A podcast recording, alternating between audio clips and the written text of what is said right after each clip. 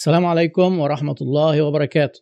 أهلا وسهلا بكم في الحلقة 113 من عيادة الشركات. النهاردة معانا آه، ضيف عزيز وعلى المستوى الإنساني هو صديق غالي والحقيقة إن هو نجاحاته اللي محققها سواء على السوشيال ميديا أو في ال business استثنائية وملهمة.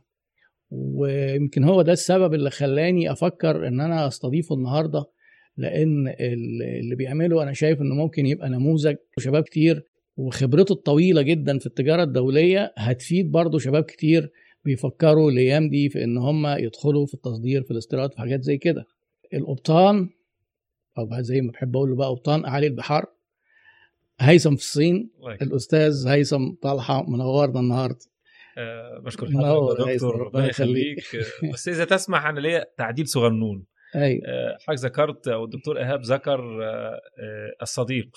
أيوه. هو ده تقدير من الدكتور لكن هو كان الحق أن يقول التلميذ. لا معلش ده كان من 12 سنة خلاص. لا وما زلت وسأظل حولت إلى صديق يا. أخي. لا لا إزاي بقى؟ حاجة تانية إذا تسمح لي طبعا عايز أبدأ يعني أستهل ببيت الشعر يعني. قف للمعلم وفيه تبجيله كاد المعلم أن يكون رسولا. فحضرتك يعني. في منزلة قديره هو ربنا امير الشعراء هو. اللي قالها يعني. آه، أنا ب يعني وطبعا برضه حاجة تانية جديدة شوية إن أنا أكون ضيف عند الأستاذ أن يحل التلميذ ضيفا على أستاذه فهذا شرف وتاج على رأس التلميذ. ربنا يبارك فيك. لا النهارده أنت الأستاذ وأنت. المعلم أنا هبقى يعني بسأل وعلى فكرة يعني مش مجاملة.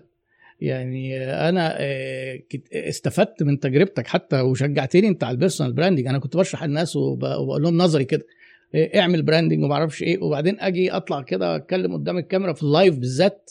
يعني أنا كنت بعمل فيديوهات مسجلة. نعم. أقول لأ طب ما هيثم بيعملها ما أكيد لازم أعرف بقى لازم أعرف أعمل البتاع دي. والله. بس خدت مني سنتين يعني اتاخرت فما شاء الله عليك يعني. انت إيه مبادر ومنطلق دايما. والله يعني أن أكون تلميذ نجيب لمعالي الدكتور إيهاب فده شرف لي يعني. ربنا يكرمك.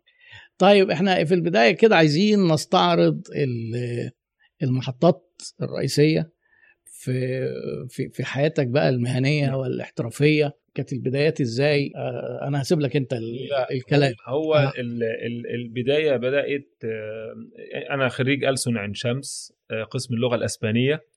آه، يعني ما فيش أي خلفية تجارية خالص. آه،. ولكن لما خلصت طبعا اشتغلت في مجال السياحة يعني شوية كده وبعدين ما استريحتش فيه شوية يعني. أيوه. فجالي فرصة يعني في مجال ال logistics يعني. آه. حد قال لي تشتغل في شركة شحن فقلت له يعني إيه شحن يعني؟ والله يا دكتور يعني. قال لي شحن ال containers اللي تمشي على الطرق. قلت له آه يعني دي أنا أشوف كده بتعبى تتعبى سكر ورز كده وبتاع. قال لي لا بتتعبى بضايع. قلت له ما أعرفش والله. قال لي تحب؟ قلت له والله ما فيش مشاكل أنا عايز أخد أغير career يعني shift career وبدل. السياحة وأخش. ورحت اشتغلت في شركة آه، اتعلمت على إيد أساتذة. والله رحمة الله عليه الحاج يحيى صفراطة صاحب شركة بيرس للشحن الدولي. أول من تتلمذت على يديه وعلمني حاجات كتير وتعلمت منه. ويعني الحمد لله. ثم فتحت شركتي سنة 2000 كنت في الشركة دي كنت sales ولا كنت في ال operations ولا أصل الشحن ده برضه؟ ده أنا حضرتك قلت حلو قوي كنت sales دي يا دكتور. آه. عايز أقول لحضرتك حاجة خطيرة قوي يستفيد بيها. الشباب والله. آه. دكتور أنا كنت بخاف من ال sales جدا. آه. وكنت أتخيل بقول مش ممكن أروح أخبط على باب شركة وأقول له يعني مني يقولوا لي لا. صعب قوي لا يمكن لا يمكن ولا آه. استحالة. آه. وذلك لما رحت قدمت الوظيفة يا دكتور في آه. آه. في شركة الشحن دي أو ال freight ال logistics company آه رحت as operation. عشان أبعد عن مواجهة الناس الناس لأن أنا أتكسف جدا إن أنا شوف حضرتك بس. التحول اللي هيحصل إيه طبعا فلما رحت قلت له أنا operation قال لي مش sales قلت له لا خالص يا فندم أنا ماليش في ال sales أنا operation فرحت operation okay اتعلمت إزاي كنت بعمل إيه برسل إيميلات يعني على آه. الخ- ال shipping الخطوط الملاحية زي ال APL والمرسك والناس دي كلها واخد منهم الأسعار وادي الأسعار لل sales وهم اللي إيه يخلصوا اللي. يخلصوا. آه فكان بيحصل إيه كان بيحصل إن في مثلا عميل بيكلم ال sales يقول له طب معلش اديني اللي مديك الأسعار أو اللي بيتابع الشغل أنا عايز أكلمه فالعملاء تكلمني فافاجئ إن العملاء بترتبط بيا أنا آه. فأصبح بعد فترة من الفترات لقيت نفسي sales وعندي قاعدة عملاء. يعني- جميل. فبعد كده لقيت نفسي بخرج بزور العملاء. بقيت بعد كده يا دكتور لما اترقيت مش مدير operation مدير sales يا والله يا دكتور بقى آه بتأدي في ال sales مدير أكتر. marketing مدير مبيعات ومدير تسويق. ما شاء الله. في خد بال حضرتك وأنا بستعد إن أنا أمسك إدارة التسويق كان بدأت بقى لقيت حد معروف كده بيدي محاضرات في التسويق والناس كلها عم بتقول عليه كلام حلو جدا بصراحة وكده. فرحت رايح حجزت كورس وجيت قعدت كان في كراسي كده اللي هي مسند خشب. دي آه ورحت قاعد حضرت كورس التسويق وأبهرت بالأستاذ المحاضر آه، آه، آه، اسمه. الدكتور إيهاب مسلم اللي اتعلمت على إيديه مهارات والتسويق ومهارات ال marketing والمبيعات. ربنا يكرمك. طيب دي كانت مرحلة. نعم. كنت انت أنا بتهيألي انت لما خدت الكورس كنت انت فتحت شركتك خلاص و- صحيح ووقتها صحيح. كنا- بنتكلم على انك صاحب بقى، شركة خدت آه كورسات إدارة بقى آه، بالظبط. وحاجات كده يعني. آه، أسمى مارين على مش أسمى؟ مارين. بدأت شركتي أسمى مارين سنة 2000 آه، اوائل 2009 تقريبا تمام آه، عايز برضه أقول محطة هنا لحظة للشباب يا دكتور برضه أيوه آه، أنا أتذكر إن في نفس التوقيت فتح معايا حد برضه زميل آه آه، فتح برضه إحنا استقلينا من الشركة اللي شغالين فيها أنا أيوه فتحت شركته وهو فتح شركته آه، أنا كملت وهو ما كملش آه وقفل شركته وخسرت مم. وكان الأسباب إيه كان أيوة. الأسباب إنه ما خدش بأسباب الإدارة ومهارات الإدارة يعني يا. دكتور مم. يعني آه، ما كانش عنده حسابات منتظمة ما كانش. عنده حسابات شركات في البنوك كان بيعتمد على الحسابات الشخصية ما مم. كانش عنده إدارة يعني إنه يجيب حد يدير أو إنه عنده مهارات إدارة مم. كانت أحد الأسباب يا دكتور إنه شركته ما كملتش وخسر وقفل الشركة مم. كانت بقى أحد الأسباب اللي أنا كملت إن أنا بصراحة كنت الدورات اللي خدتها مع حضرتك المختلفة سواء دورات التسويق أو دورات المبيعات أو دورات الماركتينج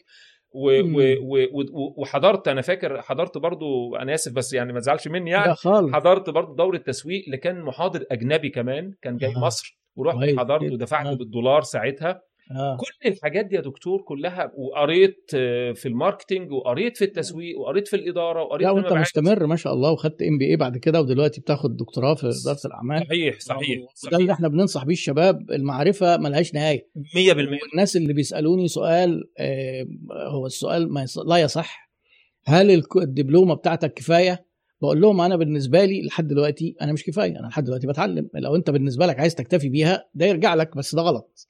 مفيش حاجة اسمها كفاية مفيش حاجة اسمها اقرا كتاب ويبقى كفاية. لما الدكتور إيهاب يقول أنا لسه بتعلم آه، آه، لا لا، أنا لسه الموضوع ما- ملهاش نهاية نعم. القصة. نعم نعم. طيب جميل. أنا بس عايز يعني برضو الشباب اللي حاضرين معانا إيه مع قبل ما ندخل في الجد نطمن إن الأمور مظبوطة والصوت تمام والصورة كويسة والجرافته بتاعت آه، الأخ هيثم بقى. أنا أنا بطمن على الجرافته بتاعتي. لأن أنا الجرافته دي مش جديدة سألت عليها قبل كده وعرفت إنها كويسة. دي جديدة يا فندم. مع. البدله بصراحه عايزين نطمن بقى في بدلة جديدة وجرافته جديدة. فطمنونا برضو يا جماعة الأمور ماشية كويس ولا إيه الأخبار؟ طيب الصين بقى دخلت في الحياة إزاي؟ برضه يا دكتور هي آه، آه، آه، كل إنسان لابد يكون مستعد لأي تغيرات آه، تحصل في حياته. أيوه. اللي حاصل إن إحنا آه، أنا فتحت شركتي 2008 اشتغلت الأمور مشت كويس الحمد لله وبدأت برأس مال صغير كبر والأمور بقت ماشية كويس قوي. جينا 2011 طبعا ثورة يناير وما تبعها من أحداث. فطبعا حركة ال business في مصر وحركة التجارة حصل لها drop down فأنا شغلي كله معتمد على حركة التجارة الدولية يكون في تصدير واستيراد. طبعا المواني كانت قفلت شوية ومش عارف إيه والدنيا برجلة وأنا عندي موظفين فلازم أتعامل مع الواقع بسرعة. تمام. فلازم نعمل إيه؟ لازم نعمل extension لل business بتاعنا. أنا موجود في منطقة جغرافية اسمها مصر مصر في الفترة دي 2011 2012 الأمور فيها مش مستقرة. أيوه. لابد إن أنا أشوف حل على طول ما ينفعش أفضل قاعد حاطط على حد- على خدي وأتفرج. مم. طيب نعمل نوسع ال business بتاعنا نوسعه فين؟ قعدت أدرس بصراحة أنا فاكر كويس مم. جدا كنا اتنين أو ثلاثة فريق العمل. مم. إيه، إيه، طب نروح فين؟ نمد نفتح فرع في أمريكا آه، في كندا في أوروبا في الصين في هونج كونج في أستراليا. ده اللي جه في بالنا قعدنا ندرس كل حالة مم. آه، أمريكا موضوع الدولار هيبقى صعب علينا شوية أستراليا ما فيش حاجة بتروح وتيجي أوروبا الدنيا ماشية فيها بالعكس مش ماشية فيها. قوي الصين هي اللي إيه خدت أكتر آه، آه. يعني ريكورد فيها يعني فيها فرص أفضل فيها فرص أكبر لأنه كتير. إحنا بنعتمد في الشحن الوارد لمصر أكتر شوية آه، الصين آه، كتير آه. جدا أيوة. واردات مصر من الصين بتزيد عن حوالي 19 مليار دولار مصر بس يعني مصر حوالي تلت الاستيراد تقريبا بالظبط يا فندم آه بالظبط الأرقام فعلا مصر بتستورد في في حدود حوالي 60 مليار دولار أو آه. 70 مليار دولار الصين لوحدها حوالي 19 مليار أو 20 مليار دولار فتخيل آه. التلت آه. فقلت يبقى اذا هيكون ليها مساحة سهلة وبعدين كمان معظم المستوردين بيقولوا لي لو سمحت إحنا عندنا مشاكل في الصين ما تساعدنا فيها مم. طب خلاص يبقى أفتح في الصين خدت. شنطتي وسافرت على الصين آه أول صورة وصلت بيها مطار جوانزو في الصين آه، شنطتي كده على ده مشروع ولابس تيشيرت أبيض يعني. موجوده آه. الصورة دي عندي وفاكر شكلي كان كويس جدا وأنا بستكشف عالم غريب. آه، ورحت وبدأت وفتحت المكتب وتعبت يا دكتور. قعدت ثلاث. سنين تعبان جدا جدا جدا من إنه المصاريف هناك عالية آه. والموارد قليلة. لسه الشغل ضعيف. لدرجة جينا في لحظة أنا وشريكي فكرنا إن إحنا نقفل مكتب الصين مم. هو يقول لي اقفل مم. وخلاص ووقف النزيف أقول له أنا حاسس استنى شوية فاضل شوية فاضل شوية آه. آه لحد ما ابتدت أهو تسند شوية وتفك شوية وتمشي شوية فلازم لو أنا ماشي شوية كده عادي جدا ممكن أستحمل أستحمل لحد ما يعني إن شاء الله ممكن إيه تعيد آه. آه، تطلع تاني. تطلع تطير تاني. boarding تاني يعني آه، فهي يعني إيه آه، لكن لو أنا شايف بقى خلاص ما طولش عشان ما أخسرش كتير أيوة. لكن وفعلا ابتدى ال curve يتعدل وفي التوقيت ده كان حصل موقف طريف أيوه لازم أقوله الموقف ده كنت قاعد مع ال ال ال القدوة بتاعي الدكتور إيهاب مسلم يعني كان في لحظات صفاء كده والله أيوة. هذا حدث آه. أنا فاكر كويس جدا كانت الساعة في حدود 9 بالليل انفردت بالدكتور طبعا أنا- إن أنا تلميذه النجيب يعني وليا خصوصية شوية عند الدكتور يعني وليا واسطة. اللي عايز حاجة من. الدكتور ممكن واسطة يعني أيوه أكيد فلو حضرتك تتذكر كويس جدا أيوة. في المكتب في الأوضة بتاعت حضرتك آه، كنا بالليل بنقفل الباب كده ونقعد مع بعض شوية فأتذكر في هذا الوقت يا دكتور أنا يعني عايز عايز أفكار جديدة creative في ال marketing فحضرتك قلت لي في هذا الوقت قلت لي يا. هيثم العام ده كويس جملة فاكرها كويس قوي مم. قلت لي هذا العام هو عام الفيديو. آه. قلت لي حضرتك قلت لي السنة دي هيثم سنة التسويق بالفيديو. مم. الجملة لزقت هنا. مم. مشيت. آه، كنت أنا ساعتها يعني في أجازة تقريبا على ما أتذكر حاجة زي كده. آه، ورجعت الصين. مم. اللي حصل ببساطة شديدة إنه آه، لقيت آه، في كنا كان معرض الكانتون فلقيت حد اتعرف عليا. حضرتك أستاذ هيثم مصري؟ آه صح آه آه، مش فيش لايف ولا أي حاجة خالص يعني. اتعرف عليا وبتاع ممكن أنا محتاج شغل عشان قلت له آه، ده تليفوني واتفضل. مشينا بالليل الساعة 10 لقيته بيكلمني بيقول لي الحقني أنا يعني اتضحك عليا واتنصب عليا في فلوس. الدولار بتاعي اتاخد وأنا مش عارف أعمل إيه وأنا غريب هنا. رحت له خدته رحنا اسم الشرطة إيه اللي حصل كذا كذا إنه بيغير عملة للأسف من أماكن الحكومة الصينية قايله ما حدش يغير من الشارع لانهم فيهم ناس نصابين يعني. طبعا. وقعدت ساعدته على قدر ما أستطيع. فبالليل افتكرت الكلام بتاعها كويس جدا وبكلم آه، الحقيقة لها فضل بعد الله عز وجل وبعد حضرتك يعني آه، المدام. طبعا. أيوه أكيد. زوجتي أم أحمد مم. وأنا. أذكرها على الهواء مباشرة يعني. آه،. آه، فانا متضايق قلت لها موقف مضايقني جدا وبتاع وكده. قالت لي طب ما أنا عندي فكرة. آه، قلت لها إيه؟ قالت لي طب ما تطلع فيديو وانصح الناس. كان لسه الفيسبوك ساعتها عامل اللا- الخاصية بتاعت اللايف. جديدة. أيوه. قالت لي اطلع وقول الكلام ده. قول يا جماعة ما حدش يغير دولار من الشارع. وقول مثلا برضو إيه اللي بيتنصب عليه لما يركب التاكسي ويدفع 100 يوان وينزل يقوم سواق التاكسي يغيرها ويطلع واحدة مضروبة يقول له إلحق دي مضروبة. كتير جدا حاجات زي كده. اطلع قول الكلام ده قول الناس اللي بتنصب عليها في, في الاستيراد ما ينتصبش عليها إزاي. فالكلام كله ربط بعضه. كلام زوجتي مع كلام حضرتك لما قلت لي ده سنه الفيديو خدت التجربة طلعت. ال live إيه وسبحان الله آه، وصلنا إلى قصة نجاح آه، يعني مبهرة وملهمة ما شاء الله يعني. فرقت بقى معاك الحكاية دي في الشغل. آه، بالتأكيد. آه. آه. والله ما كانش النية يا دكتور لكن سبحان الله فعلا آه، ربنا عز وجل يعني إيه أما يلاقي حد لعل الله عز وجل اطلع. فرأى إن الواحد يعني عمل حاجة كويسة فبيكافئه. هو بالأخر ف- أكيد طبعا. الحمد لله كانت آه. الناس ابتدت فعلا أنت لما. تطلع تقول للناس إزاي ما تنصبش عليكم أنت بتبقى محل ثقة. فأنا لو عايز أتكلم مع حد في الصين نعم. وخصوصا أنت عملت حاجة ما شاء الله ذكية جدا. أنت ما قلتش هيثم طلحة أنت قلت هيثم في الصين. فأي حد عايز يفكر في الصين بيفتكر هيثم. صحيح. تمام؟ صحيح. أي حد يسأل هيثم ده بتاع إيه؟ ده بتاع الصين. أيوه. وده positioning ده في ال marketing بقى يا جماعة حتى اللي حضر أو اللي قاري marketing نعم. ده اسمه positioning اللي هو الصورة الذهنية والارتباط الذهني ما بين آه، النشاط وال brand فأنت ال brand بتاعك ناجح واللي بيعمل كده دايما بيقصر السكة. لكن لما تطلع تقول إيه؟ آه، م- هيثم طلحه أنا هشرح لكم كذا كذا. الناس ممكن ما تفتكرش. فما شاء الله عليك ودي كانت من بنات أفكارك أنا ما قلتلكش عليها لا يعني. والله شوف حضرتك برضه سبحان الله هو ال- التشاركية المجتمعية دي جميلة جدا عايز أقول أيوة. لحضرتك برضه إنه هيثم في الصين برضه أحد الأصدقاء كان بيفكر يعمل لي اسم كويس كده وبتاع فمن ضمن الأسماء اقترحها هيثم في الصين أيوه حتى القبطان برضو أحد الأصدقاء برضو هو اللي أطلق عليا القبطان يعني فبقول له آه. انت اشمعنى اخترت الاسم ده ليه قبطان يعني. آه. فقال لي قال لي مش انت شغال في الملاحة؟ الشحنه والزحمة. كده وبتاع. قلت آه. له قال لي انت بترشد الناس يعني بقى ان هم يشتغلوا إزاي؟ وكان بيتابعني هيثم في الصين يعني بعد هيثم في الصين. طيب وبعد كده بقى إيه بدأت الأمور آه، مكتب الصين الشغل اللي كان فيه ضعيف بدأ يتحسن. صحيح. آه، بدأ ناس كتير من دول أنا عارف إن في دول العالم مش مصر بس يستعينوا بخبرتك وإنك موجود هناك. بحيث تقدر تجيب لهم بضاعة هو الحمد لله هو دوري أنا في الصين آه. باختصار شديد إن أنا صب بعمل إحدى أو مجموعة من حلقات سلسلة ال supply chain اللي طبعا حضرتك أستاذ أيوة. فيها تمام. آه، فليه؟ لأنه بدايه بيبدا من ال sourcing نفسه أيوه. إنه في حد عايز يستورد مثلا القلم ده أيوة. أو الخامة بتاعت القلم أو المكن اللي بيعمل القلم.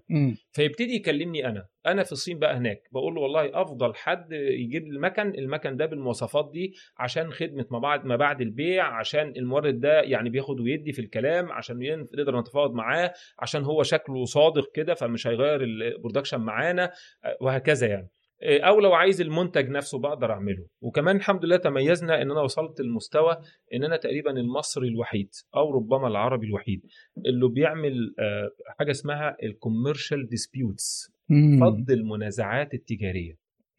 آه، دايما في مشاكل في الاستيراد والتصدير حضرتك طبعا وحضرتك في مجال التجارة بيحصل مشاكل دايما طبعا. ما بين المشتري والبائع أو البائع والمشتري. أيوه. وساعات بتبقى مشاكل بدون قصد أو بقصد. آه. ولكن لما بتحصل المشكلة بيبقى ثمنها فلوس. وفي واحد أيوة. عايز يغرم التاني والتاني عايز يغرم الأولاني.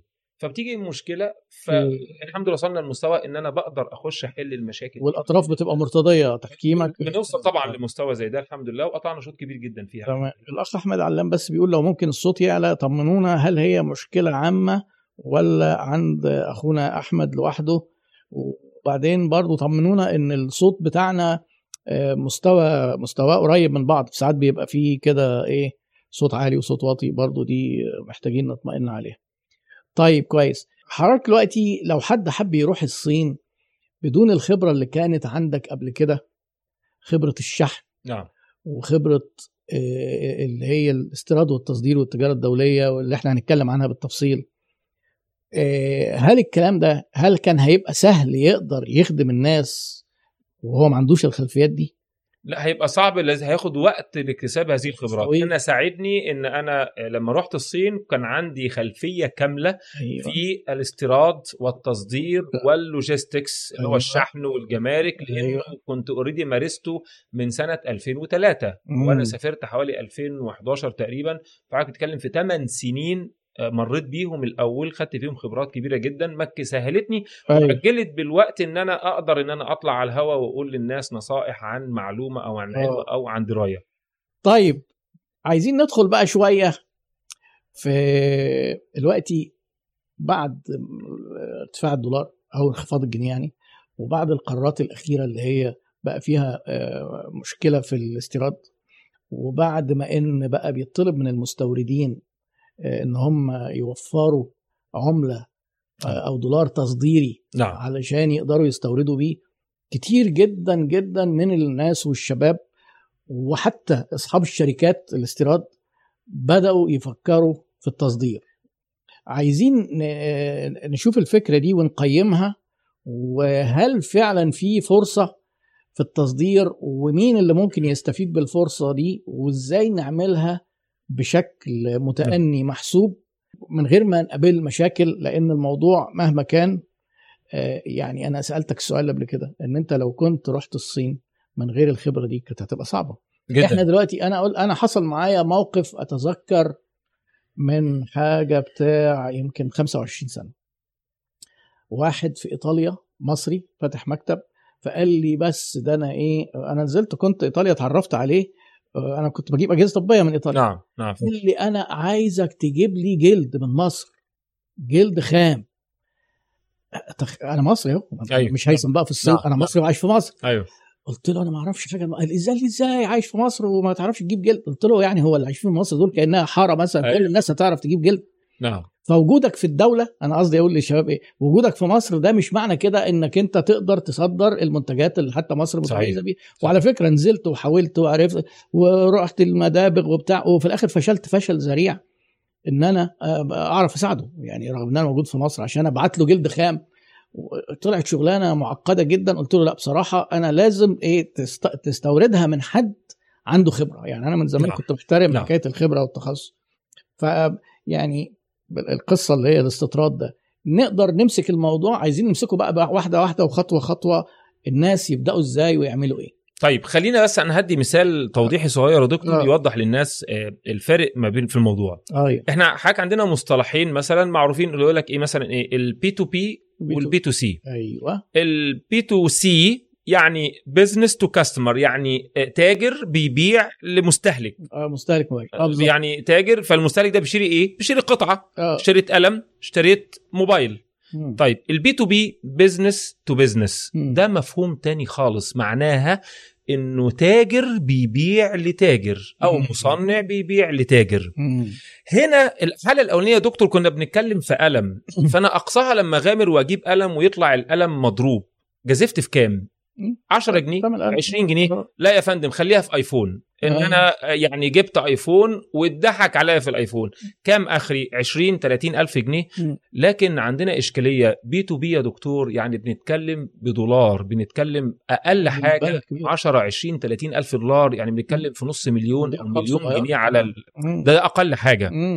فاللي أنا عايز أوصله يا دكتور يا جماعة هناك فارق ما بين إن أنا أروح أشتري قلم أو أشتري موبايل واعيد بيعه أيوة. وفرق إن أنا أشتري بضاعة تمام. وأحاول إن أنا أصدرها أو أستوردها هنا بخش في حاجة اسمها إجراءات استيرادية أو إجراءات تصديرية. يبقى اولا لازم أعرف إيه نوعية الإجراءات ديت. مش معقول إن أنا مثلا واحد زي ما الدكتور بيقول مثلا في إيطاليا وبيقول له أنا عايز جلد. فهل مثلا الدكتور ما استجابش يعني هو حاول. بس حس الموضوع مش هيمشي مش معقول الدكتور حضرتك هتنزل مثلا طب نفترض إن حضرتك اولا حضرتك ما تعرفش أنواع الجلود في حاجة. اسمها جلد طبيعي في حاجة اسمها جلد صناعي. والجلد الطبيعي بيتصدر بعد مراحل معينة الجلد الطبيعي في مصر ما ينفعش يتاخد أنا آسف من المجزر ويتصدر لازم يتم عليه نوع من أيوة. المعالجة وعليه ضريبة لأن مصر مش عايزة. تصدر ال- الخام خد... أيوة، تمام. جلد صناعي وجلد صناعي خامات وممكن طب حضرتك عرفت حتى الفرق ما بين الجلدين الجلد الطبيعي والجلد الصناعي. طب أيوة. هل حضرتك تعرف إجراءات تصديره إيه؟ آه بالظبط. طب حضرتك عرفت هتعرف لازم عشان تصدر معاه لازم تستلقى فلوس عن طريق البنك؟ طب حضرتك أصلا عشان تصدر لازم يكون عندك حاجة اسمها بطاقة تصديرية؟ عندك بطاقه أيوة. تصديرية؟ طب عشان يبقى أصلا عندك بطاقة تصديرية لازم يكون حاجة عندك عندك حاجة اسمها رقم متعاملين مع الجمارك؟ آه. طب أصلا عشان يبقى عندك رقم متعاملين مع الجمارك لازم يكون عندك حساب بنكي للشركة عشان تستقبل عليه الأموال بالعملة الصعبة. صحيح. طب لا عرفت تعرف إن أنت لازم تعمل حاجة اسمها شهادة منشأ؟ طب هل تعرف إن أنت لو شركة تصدير لازم عشان تصدر منتج من مصر لازم لو أنت يا إما تكون أنت المصنع ليه يا إما إن لو أنت مش أنت المصنع طبعا هتشتريه من مصنع لازم تاخد موافقة المصنع اللي صنع المنتج. مم. أنا بدي حضرتك أمثلة صغيرة على الإجراءات فعشان كده اللي عايز أوصله يا دكتور أنا أرجو أرجو يا جماعة حضرتك كتبت بوست من يومين آه، قصير. ولكن بليغ.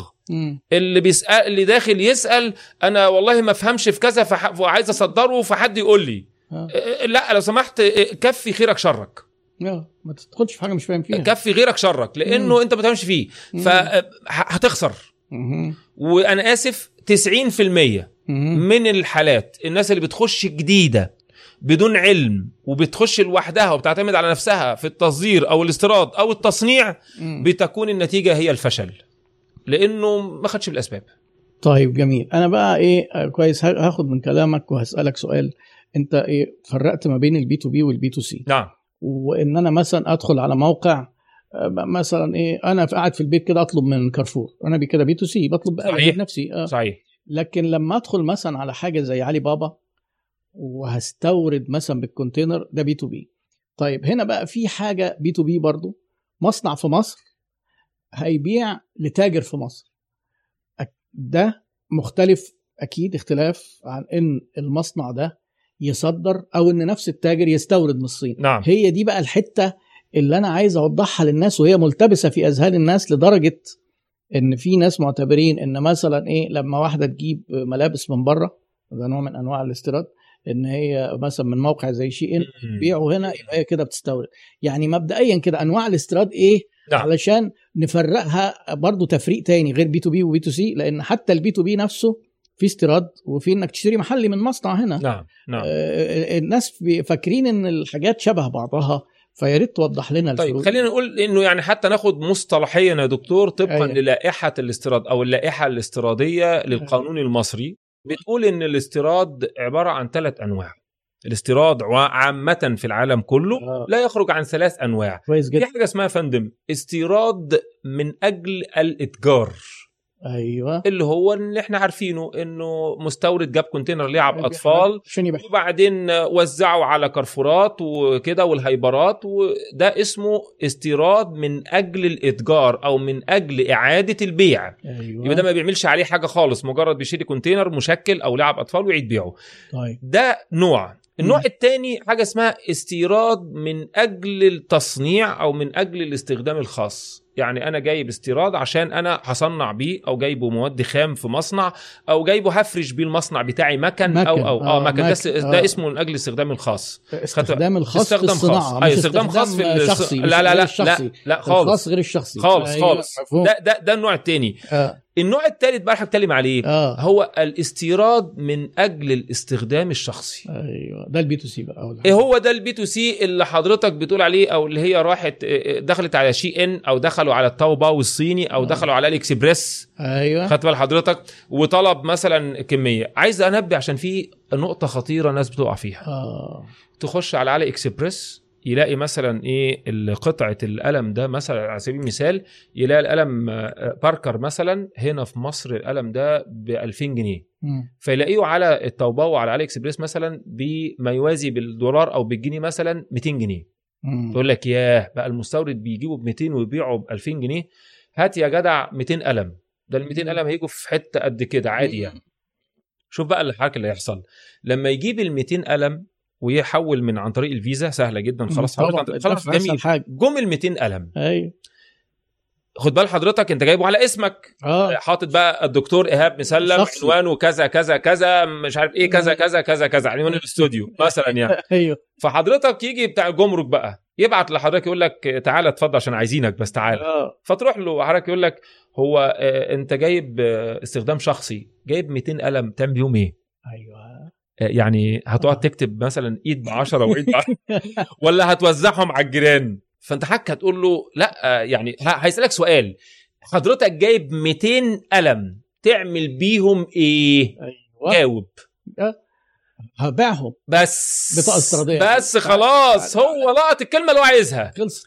هتبيعهم يبقى حضرتك ده ليس من أجل الاستخدام الشخصي ولكنه من أجل الإتجار وإعادة البيع فأنت تنتقل من المرحلة أو من النوع الأول الاستيراد من أجل الاستخدام الشخصي إلى النوع الثاني من أجل الإتجار وهذا يخضع للائحة الاستيرادية تعال بقى حضرتك لازم يكون عندك بطاقة استيرادية وسجل. تجاري وبطاقة ضريبية ورقم متعاملين على الجمارك وحساب بنكي وعايز مستندات مضافة. الرساله وقيمة مضافة آه، وعايز مستندات عايز فاتورة حضرتك آه. وعايز باكينج ليست وعايز شهادة منشأ وعايز آه، بوليسه شحن آه، وفي حاجات معتمدة من السفاره بتبقى معرفش إيه مثلا بقى. حسب الحاجة. لا ولو جايب مثلا 10 مب... ع- 20 موبايل مثلا.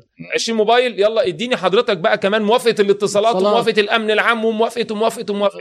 لو حاجة طبية عايزين موافقة لجنة سياسات دوائية. الله ينور ولو حاجة زراعية وبعدين؟ موافقة وزارة الزراعة. والسياسات دي ما بتطلعش. آه، لازم بقى.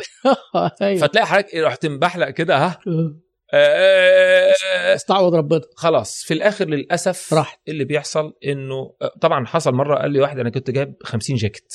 مم. قال لي ده 50 جاكيت والجاكيت كله كان ب 100 جنيه. قلت له حضرتك برضه بتاع الجمرك سأله أنت جايب 50 جاكيت عشان الجو ساقعة هتلبسهم فوق بعضيهم يعني؟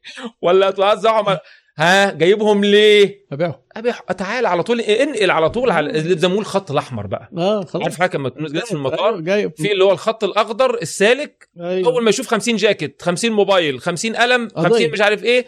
تعالى على الخط الأحمر الأول وبعدين نتفاهم معاك. أنت مهرب دلوقتي. أيوة. أصبحت في طائفة بيرصوا قدامه الموبايلات ويصوروه وينزلوه. اذا اللي عايزين نقوله يا أيوة. جماعة نتعلم الأول. طبعا. لابد نتعلم.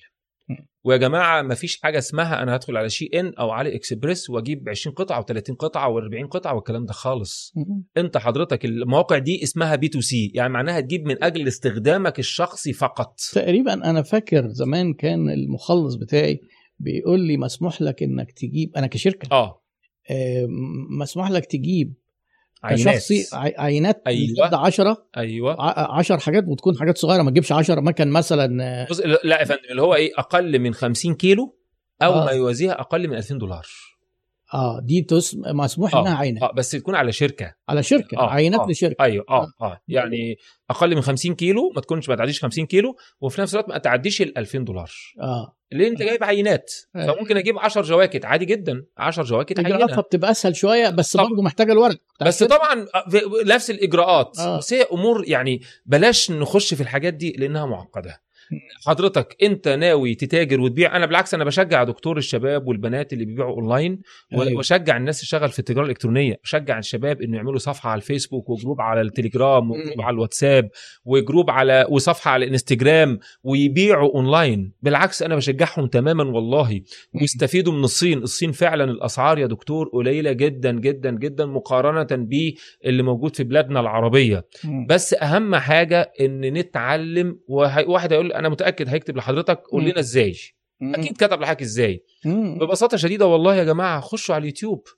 اتعلم من على اليوتيوب يا دكتور هيلاقي. هيلاقي كل حاجة موجودة كل حاجة مشروح هيلاقي كل حاجة آه. مشروحة. دلوقتي ما فيش حاجة محجوبة ما فيش حاجة هيدن خالص كل حاجة اونلاين كل حاجة موجودة. اتعلم وروح وأنا أشجع دكتور والله أنا يعني يمكن حاجة هي آه، بسطتني وزعلتني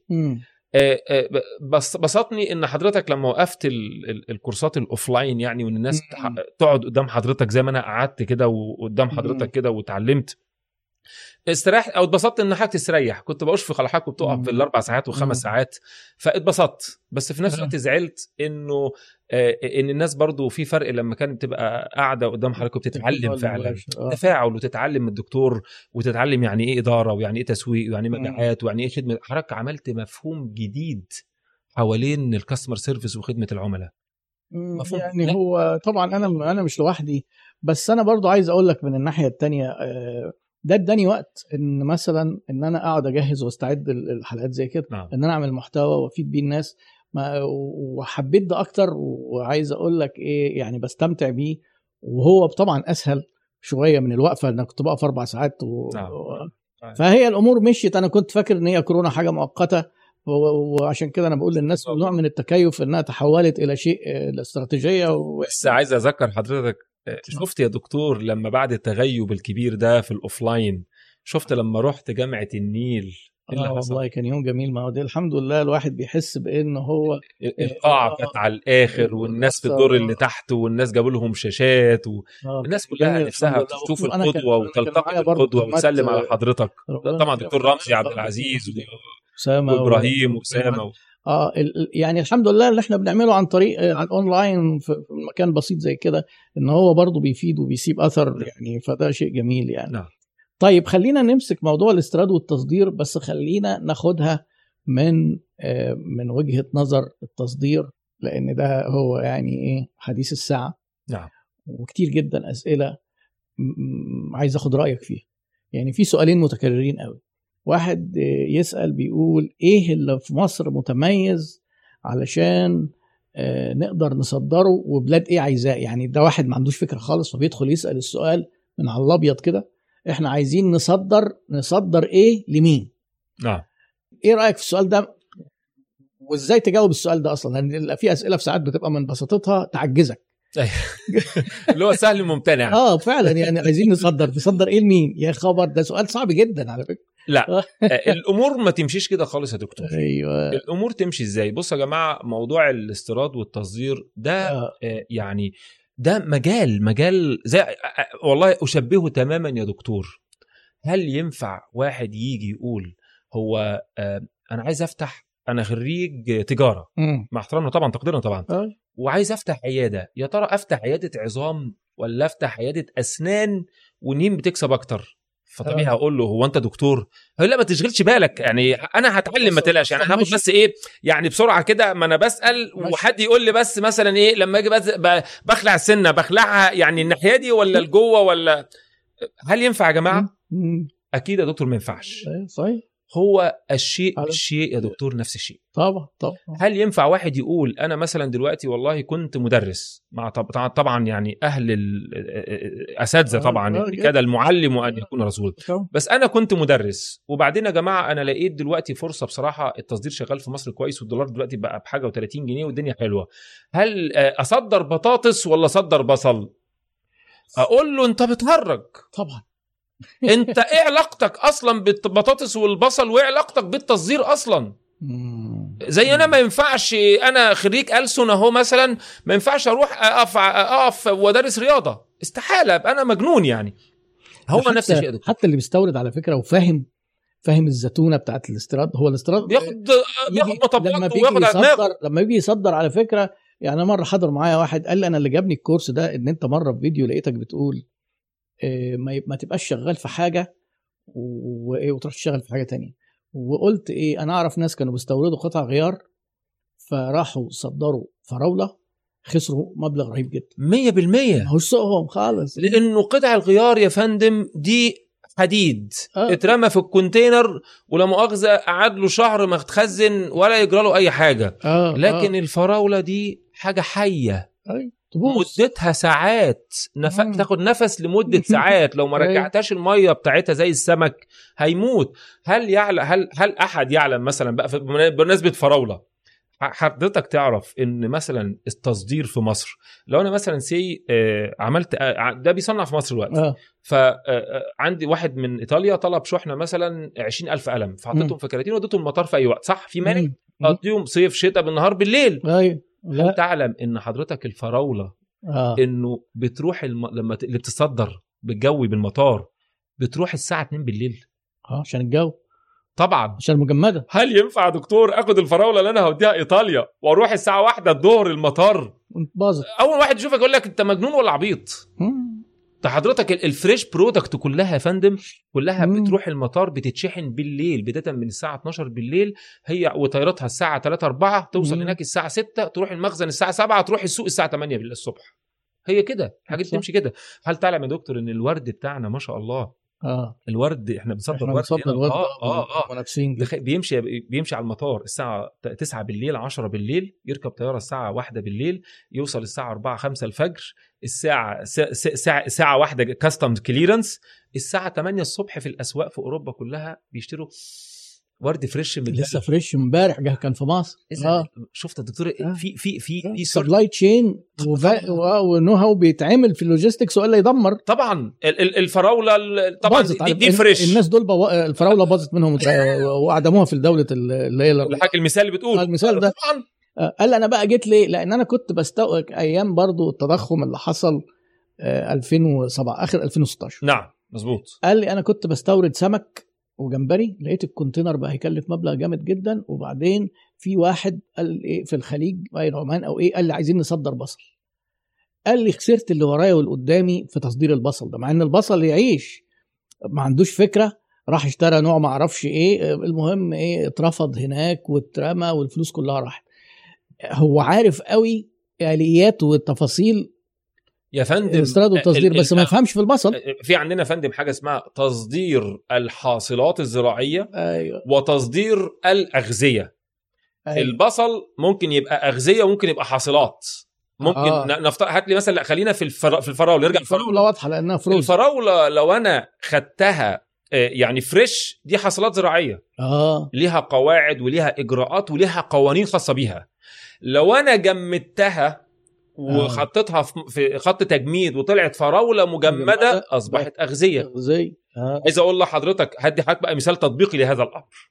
لو أنا جيت أصدر فراولة فريش للصين مش هتخش الصين هتقف في الجمارك وهترجع لك تاني يا إما تاكلها. أنا آسف في اللفظ يعني سامحني يا دكتور. لا طبعا. يا إما آه يا تاكلها يا تشربها حاجة من الاثنين بص يا فندم الفراولة لو صدرتها فريش للصين ما تخشش. طبقا لقانون الجمارك الصينية. لو أنا جمدتها وحطيتها في شوية تلج وديتها الصين آه. تخش يا فندم مفيش مانع خالص. آه شوف المعلومة دي. لأن هو اللي أنا قلت لحضرتك لأن الأولانية تدخل تحت بند الحاصلات الزراعية ليها قانون لأن القانون الصيني يقول إنه الحاصلات الزراعية ال fresh product ال fresh ما ينفعش تست... تخش السوق الصيني إلا بعد اتفاقية حجر صح اتفاقية بين الحجر الصحي الصيني والحجر الصحي للبلد المصدرة للمنتج. فمصر على سبيل المثال مفيش غير هم ثلاث حاجات اللي فيه اتفاقية ما بين الحجر الصحي المصري والصيني على السماح بالتصدير. للصين. آه. الموالح والعنب والتمر. بس. فقط. بس كده. والرمان مش عارف دخل ولا لأ للأمانة. آه. صادق. خدت بالك؟ فما هتيجي تقول لي إيه إيه إيه فراولة مانجا؟ ما تروحش الص- الصين ما- الصين ما يقدرش ياخدها منك مش- هتخش ك- كحصلات زراعية. لكن لو أنا عملت لها نفق تجميد وجمدتها وحطيتها في case شيك وبتاع ومش عارف إيه وبعت container. تغذيه تخش. هتخش عادي جدا وفقا برضو للمواصفات بس يعني. احتكيت بقى بناس بتغلط الغلطات دي. آه، كتير. أقول لحضرتك آه، على سبيل المثال البرتقال. آه. هل تعلم مثلا إنه ما ينفعش مثلا يا دكتور أنا آسف والله واحد. يقول إيه والله ده أنا كلمني واحد صاحبي صيني تشينج ماو هاو هاو وبعدين وإحنا بنت... ده اسمه ولا ده يعني مؤثرات صوتية أيوه مرزوق اللي هو الصيني أيوه أيوه ما ينفعش مثلا آه، أنا بتكلم معاه بقى وكده وبقى إيه والفول الصيني العظيم محمد هنيدي وكده وقال لي بقى إيه ابعت لي يا معلم شوية برتقال آه. آه. فعلا على فكرة مصر أدي حضرتك معلومة في وسط آه، آه. ال- المعلومة كده مصر واحدة من أكبر ثلاث دول مصدرة للبرتقال للصين على مستوى العالم مم. آه، ما شاء الله إحنا بنصدر للصين ما يقارب ال 200 ألف طن برتقال في السنة. مصر من من أكبر ثلاث دول بيوردوا برتقال من الصين. مصر مع أسبانيا وأمريكا وأمريكا. وجنوب أفريقيا يعني. كده يعني. خدت بال سعادتك بس. هدي... فمعنى مش معنى ذلك إنه يروح بقى رايح هوبا أنا عندي جنيه. على فكرة أنا حماية عنده حديقه برتقال. آه. بس ما فكرتش مرة إن أنا آخد واد الصين يعني لأن مش شغلتي. أيوه على فكرة اللي عنده جنينة برتقال حاجة وإنه يصدر حاجة. ما هو خالص ملهاش علاقة. ملهاش أي علاقة ملهاش علاقة. نشاط تاني تمام. انت بتروح على فندم حاجة اسمها محطات. أيوه. محطة فرز أيوه الم... بص يا فندم اولا بص يا فندم. ال... أنا حماية عنده مزرعة برتقال. خلينا نضرب مثال عملي بحماية. إيه أيوه اللي بيحصل؟ في حاجة اسمها الأول تاجر بيجي ياخد البرتقال من عند حماية المزرعة. كويس؟ تمام. والتاجر يبيعه للمحطة. والمحطة تاخد وتفرز وتجهز آه. للي عايز يصدر. أيوه لشركة تصدير. آه يبقى المصدر جاي مرحلة ثالثه أو آه. رابعه وأكيد أو يا إما المحطة نفسها تصدر طبعا يعني. آه، وأكيد في standards أكيد ال... هدي حضرتك بقى المثال. آه، في الدول حاجة اسمها حاجة اسمها البريميوم والاي والبي والسي في البرتقال آه. ال... كل كل حاجة ده, ده في بالمقاس يا فندم في حاجة اسمها مقاس أيوة. 52 مقاس 42 مقاس مش عارف إيه.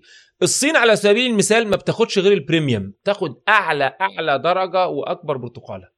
آه. ما تاخدش الحاجات اللي هي تعبانه خالص. أيوة. وال packing بتاعها يكون عالي جدا عالي الجودة. أنا عايز الناس بس من التفاصيل دي يعرفوا إن الموضوع إن اللي على البر كده وفاكر إن هو عوام وهنعمل لا. ده يغرق اللي أنا قلت- يغير فلوس. دكتور اللي أنا ذكرته كل حاجة اللي بتقوله تفاصيل والله هذه قشريات.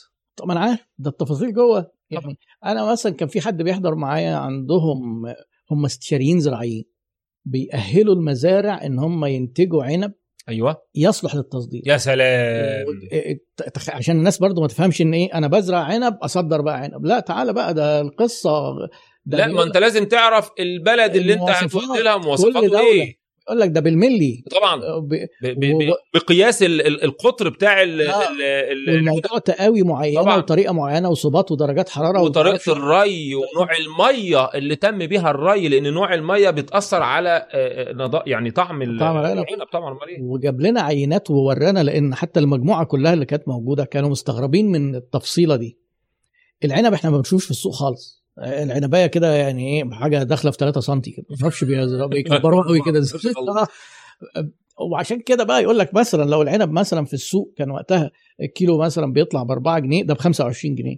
طبعا. بقى طبعا بس تصدير. ما تعرفش أنت تنتجه لو أنت تروح أنا عندي مزرعة عنب مش هو ده اللي فيعني إحنا عايزين نحترم التخصص. عشان كده لما بنقول يا جماعة لما تيجي تشتغل في شغلانة اشتغل في شيء بتفهم فيه. مش ع- واحد يقول لك انت كده بتحبط الشباب يا دكتور. لا أكمل. الآن بالعكس أنا هجاوب لا آه، اهو طيب طيب. واحد يقول لي طب معلش يعني ادينا الخلاصة. طب أنت عايز تقول إيه؟ في م- أنا آه. عايز أشتغل في التصدير.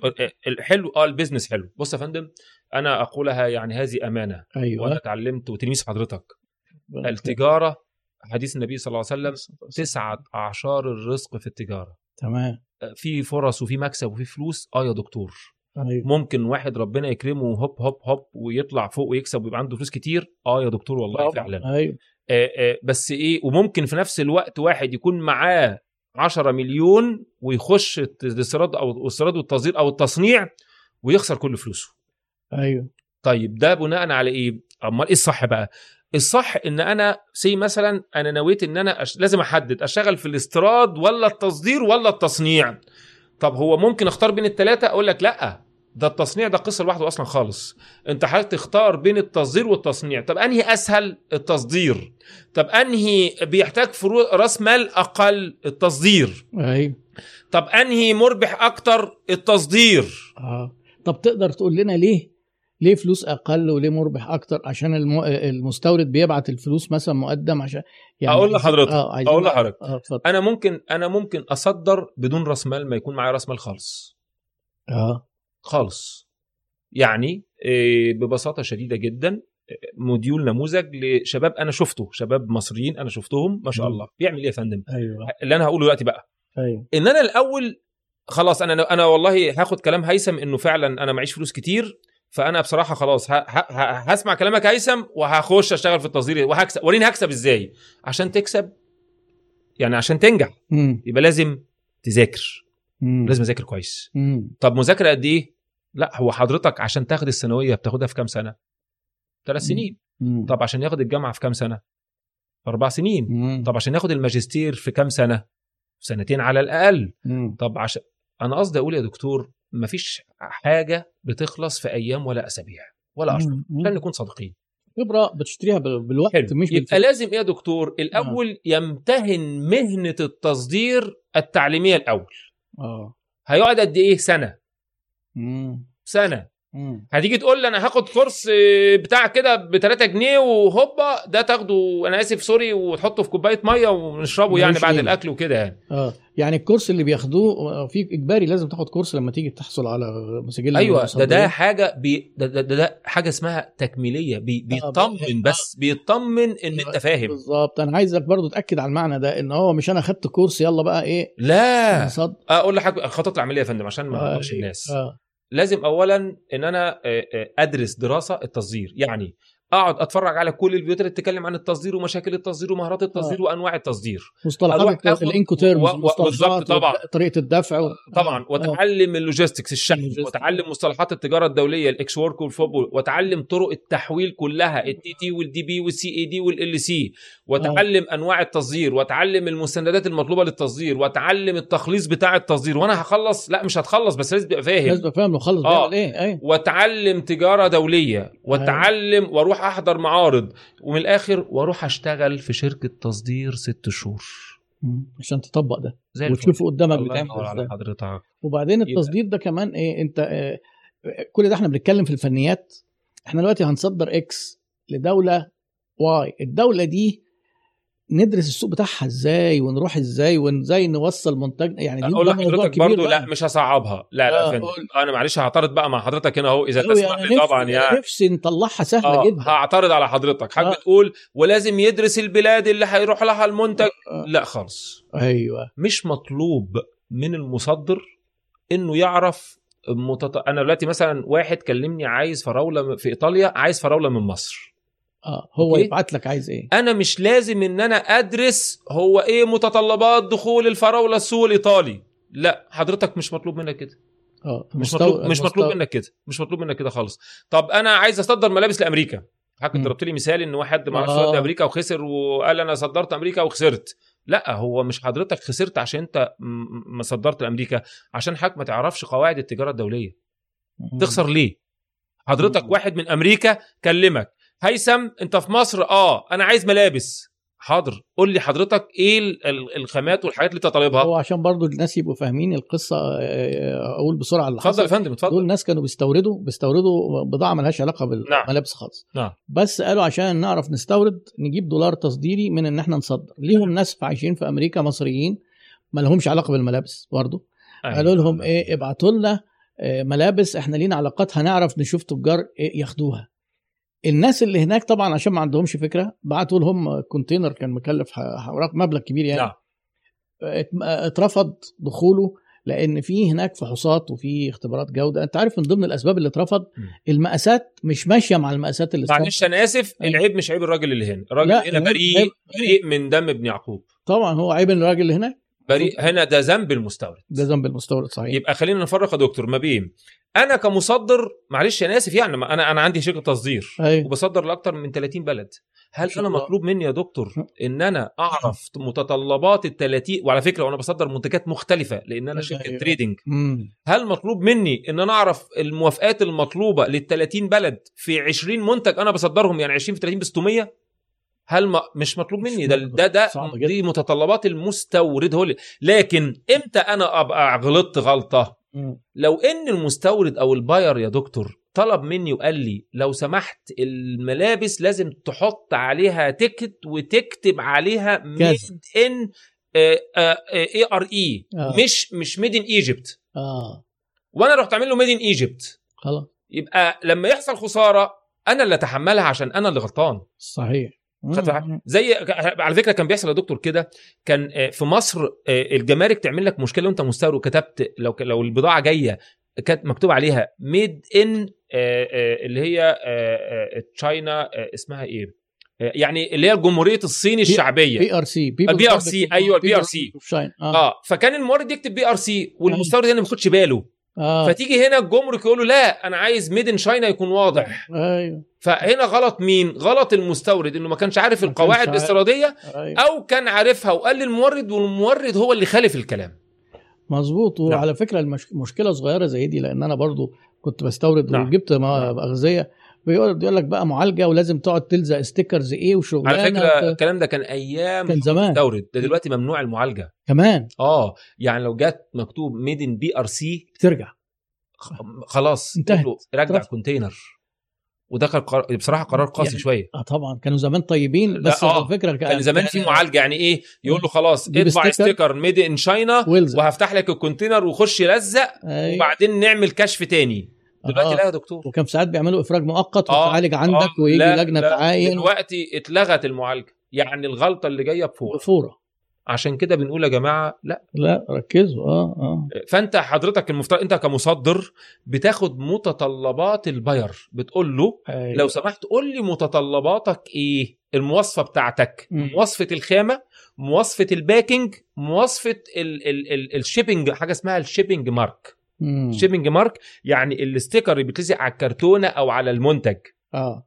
ودي غلطة أنا هدي حضرتك مثال والله يا دكتور خطير جدا. مم. الناس اللي بتستورد مثلا على سبيل المثال الكوالين من الصين مثلا. مم. ما ينفع لازم تكون أنت فاهم. مش معنى مش م- ما لا يكفي إنه تقول له حط لي على الكرتونة made in China لا. ده لازم يكتب على الكرتونة made in China وعلى العلبة من جوه made in China ولما تفتح العلبة والكالون نفسه يطبع. عليه بطريقة معينة made in China آه بطريقة معينة طبعا آه ولو واحدة ما اتحطتش هيجي الشغل ويترفض وهيرجع مم. طب ساعتها طبعا خسرت خسائر لما. بيجي ال- الشغل مخالف للإجراءات الجمركية مم. قدامك حاجة من اتنين.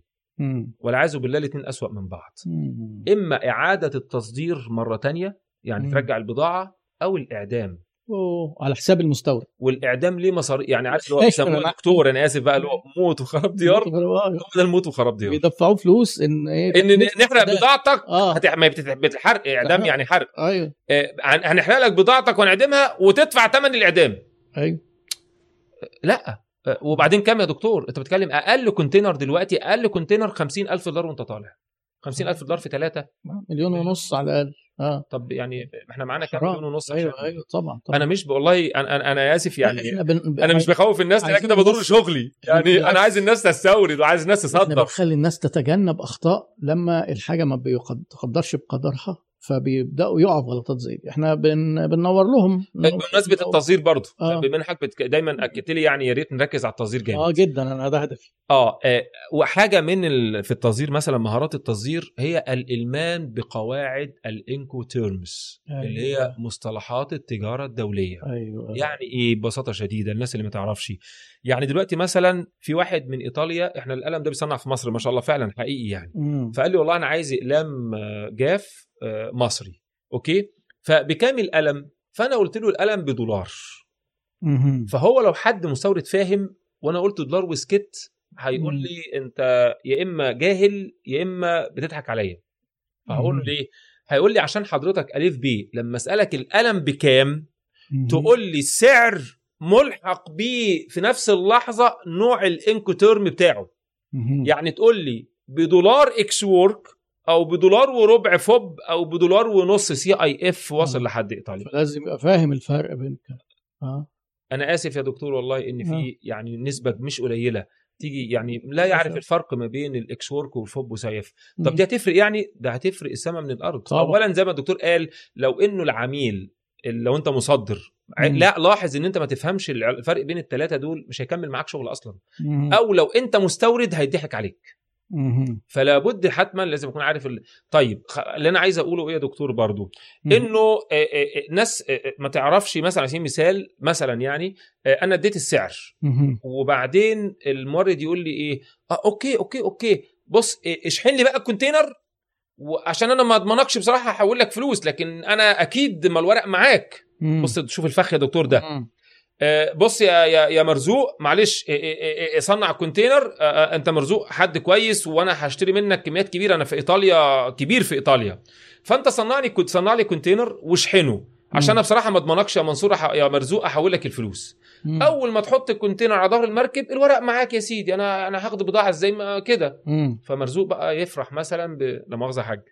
ف... مرزوق تاني مش ده لا مرزوق ده بيبوظ اللايف ما بيوا- ملوش دعوة بالتصدير ف... ف... ف... فمرزوق مثلا إيه آه آه، آه، يعني سامحني إيه أول مرة بقى ففرحان أيوه فيروح إيه يلا جدع بيحلم بقى فين؟ بالأرباح. آه آه, آه. آه فيروح مصنع وراح. شاحن ال container مم. ويقول له يلا أنا البولس معايا ابعت لي فلوس بقى مم. فالتاني مش هرد عليه لأن ال container already إيه مشي في البحر مم. فهيستنى لحد ما ال container يوصل. وبعد ما ال container يوصل في مينا ميلانو في إيطاليا أو جنوة مثلا وبعدين يستنى كمان أسبوعين كده برضه يقول له أصل أنا أمي عيانة في المستشفى.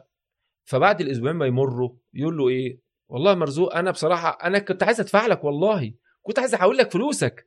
بس والله بقى أمي عيانة. آه. أمي في المستشفى. ظروف. الظروف. فأنت طب مرزوق طب, طب وبعدين ده ال container بياخد غرامات طب أي حاجة طب فيسيبه يستوي كمان أسبوع. وبعدين يقول له بص يا مرزوق أنت صعبت عليا.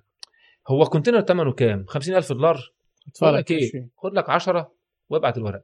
فمرزوق يقول له ها إحنا آه. بنتكلم على 50 آه. فأقول له 50 دي كان في الأول خالص. خلاص بقى. أنا مش عايز ال container. عايز ترجعه؟ رجعه. فمرزوق يجي يحسب على ال calculator. ده دفع شحن وصنع البضاعة. ويا سلام بقى كمان لو البضاعة. متصنعة. لا. مخصوص آه. لو متصنعة ب label مخصوص باسم ال buyer. يعني حتى لو أنا رجعتها مش هعرف أبيعها لحد تاني. حتى لو لقيت واحد صاحبي في ألمانيا أروح أعمل له cross shipping وأحولها لألمانيا مش هعرف ياخدها. فأنت اتزنقت زنقة الإيه؟ مش عارف إيه كده. ف... ف... فأمال كان إيه اللي صح يا دكتور. كان يصح يا فندم؟ نصيحة بديها لأي حد يفكر في التصدير. اوعى تشحن بضاعتك اوعى تشحن بضاعتك أنت كمصدر إلا على الأقل. تكون واخد 50% من ثمن البضاعة. مم. مقدر 50% مم. واوعى تفرج عن الأوراق مهما حصل. مم. مهما حصل. أصل أنا أمي في المستشفى أصل أنا مش عارف إيه ده أنا هكمل معاك شغل ده إحنا ده دي بداية ده دي ده دي ده دي. لا يمكن. حول بيت فلوس. ممكن بقى يقول لك إيه؟ طب أنا حولت ابعت لي البوليصة. مش فيش حاجة اسمها SWIFT أهو. في حاجة اسمها البنك بتاعك ال CIB يقول لك بلغك مستر مرزوق بلغ. دخل حسابك خمسين ألف دولار من كذا آه. دخلوا آه آه. دخلوا موجودين في حسابك ابعت له الورق خلي بالكوا ده كلام مهم جدا وبيخسر بيخسر ناس كتير فعلا تحب أقول لحضرتك حادثة واقعه يعني حصلت آه، حصلت أنا؟ عارف إن في حوادث كتير بس قول لنا أهم الحاجات أنا فاكر مرة حكيت لي إن واحد أنت أيوة. أنقذته آه، قلت له روح البنك حالا والغي ال- ده كان كان ده ده ده, ده في الاستيراد ده في استيراد ده آه، خلينا هنذكرها دي خلينا نقول في الاستيراد. لكن في التصدير مم. حصل وأنا في مرة في الصين كنا يعني وأنا قاعد هناك يعني ففي مرة الشباب المصريين الحقوا يا جماعة في حد مصري محتاج مساعدة وضروري نحاول نساعده إيه يا آه. جماعة اللي حصل آه. آه، آه، راحوا حاطين الحالة هو اللي بعت رسالة يا جماعة أنا كلمني حد مستورد يعني مم. وقال لي أنا عايز فوسفات وح- فوسفات أو حاجة زي كده مع معدن يعني. مم. عايز حاجة فوسفات وبتاع والمهم إيه عايز 10 حاويات. فصاحبنا طبعا ما صدقش نفسه. آه. 10 حاويات شغلانه كبيرة. آه حاجة جميلة جدا. قال له طب آه، ابعت لي ديبوزيت 30% ده المتعارف عليه. أيوه. قال له لا أنا ما اضمنكش فأنت حمل لي الشغل أول ما تحمل الشغل هبعت الإيه؟ هبعت الفلوس. الفلوس. حصل نفس المثال اللي ضربته دكتور والله. العشر آه. حاويات وصلوا مينا تيانجن في الصين. مينا تيانجن بحدد لك الواقع بتفاصيلها. آه. وبعد ما وصلوا قال له أنا مش عايزهم. الراجل بقى بيقول إلحقوني حد ياخدهم. حاولنا نشوف حد ياخد العشر حاويات ما لقيناش. آه. والمستورد ما رضيش ياخدهم منه. وطبعا الله أعلم بقى كان بيساوموا أو إيه اللي حصل. في الآخر طبعا اتبهدل. طبعا لما ك- أنا كلمته شخصيا بالمناسبة. بقول له كلمت المستورد ولا المست... المصدر المصري. المصدر قلت له أنت قلقان ليه؟ مش المفروض إن أنت واخد على الأقل 30% قال أنا ما خدتش ديبوزيت قلت له الله يسامحك يا شيخ الله يسامحك. فطبعا ده جهل يا فندم عدم طب معرفه 30% خسارة برضه. هل هتبقى مغطيه. تكلفته؟ أيوه بص يا فندم بقى. ال 30% دول بنسميهم إيه؟ بنسميهم دول يغطوا مصاريف شحن البضاعة وإرجاعها في حالة إن رفضها. المستورد ما استلمهاش. عليك حلوة جدا دي. آه. آه. ال 30% غالبا بيغطوا. ويبقى هو اللي, اللي انت ضاغط عليه هو اللي مضغوط عليه لأنه دافع 30% هيروح عليه. هيروح عليه لو البضاعه رجع. آه، بالظبط فيبقى هو. عايز يكمل. عايز يكمل. أيوه. فلازم على الأقل ده بص يا فندم العرف العالمي 30% مم. لكن أنا بقول لك خليك في الدرجة الس... في 50. الدرجة ال- ال- ال green zone يعني آه. أو ال safe zone خليك وخد 50% هيقول لك طب أنا ما أضمنكش. قول له الطبيعي الطبيعي إن حضرتك تضمن ال seller لكن ما فيش seller بيضمن ال buyer. آه. ما فيش seller بيضمن ال buyer. مم. أنا يا فندم بالظبط المثل المصري ابني في إيدي. أيوه. ليه أروح أدور عليه؟ أيوة. أيوة. ابني في إيدي اللي عايزني يجيني. أنا اللي عايزني يجيني أيوه أنا ما أيوة. طيب يبقى يبقى لما نيجي نحط بقى عناوين كبيرة نعم. للي عايز يدخل التصدير. اولا يفهم تفاصيل التصدير. يمتهن يمتهن آه. مهنة التصدير آه، اولا. بعد ما يفهمها يشتغل فيها شوية. يتعلم ويشتغل موظف أو يشتغل يساعد واحد مصدر. يقول له والله أنا هساعدك وبدون مقابل بس آه. يشتغل. وبعدين لازم يفهم في الحاجة اللي هيصدرها برضه. وبعدين بقى في حاجة اسمها فندم يعرف متط... مش متطلبات السوق من ح... من ناحية الإجراءات الجمركية لأ. مم. يعرف متطلبات الأسواق الخارجية إيه. مم. يا فندم الموضوع مش سهل يا فندم. أيوة. نفترض دلوقتي على فكرة مصر واحدة من أكبر الدول المصدرة في العالم للفراولة المجمدة. frozen ده رقم. واحد على فكرة yes هي رقم yes yes مم. frozen strawberry. كويس آه. طيب هل معنى كده إن أنا أقول بقى بص بقى أنا بما ان مصر بقى كده وبتاع فأنا هخش أشتغل في في الفراوله. المجمدة هيثم يقول لي لا أنت بتفهمش لا أنا اتعلمت خدت كورسات وتعلمت واشتغلت في ثلاجه واشتغلت في خلاص تمام ماشي بس هذا لا يكفي لسه مم. أنا لازم بقى حضرتك تعرف إيه هو مين الأسواق اللي بتاخد. بتاخد الفراولة المجمدة من مصر عشان مم. يبقى already الأسواق دي فيها potential موجود هناك مم. لكن ما ينفعش مثلا مثلا يا دكتور أروح مثلا لدولة زي مثلا لبنان وأقول أنا هودي فراولة يا فندم أنا بدي مثال مم. ما هو لازم تدرس ما يمكن فر... لبنان أصلا بتصدر فراولة آه يبقى هتروح تعمل صح. إيه. إذا كان فر... لبنان بتصدر فراولة هتروح تبيع المية في حارة السقايين بالمصري ما ينفعش يبقى لازم حضرتك تشوف الأول إيه الاسواق طب أعرف المعلومات دي منين؟ مم. هقول لحضرتك ودي طبعا يعني بمناسبة وجودي مع حضرتك في موقع آه، آه، يعني معروف آه. أتمنى اللي ما يعرفوش يعرفوا ويخش يذاكروا أيوه مهم الناس عايزه. تصدير اسمه أيوة. Trade Map dot com Trade Map dot com جميل جميل وفي موقع اسمه اطلس تقريبا برضو مش فاكر اطلس إيه يعني. آه.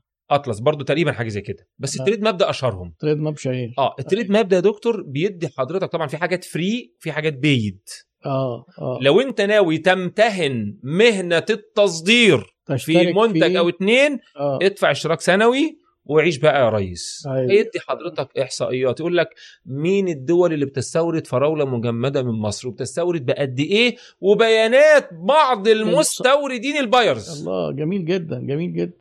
طب ده ممتاز والله إن بقى يعني بقى في مصادر معلومات في متاحة. كل في كل حاجة لما بص يا فندم دايما أقول آه. يا أستاذنا أقول إيه؟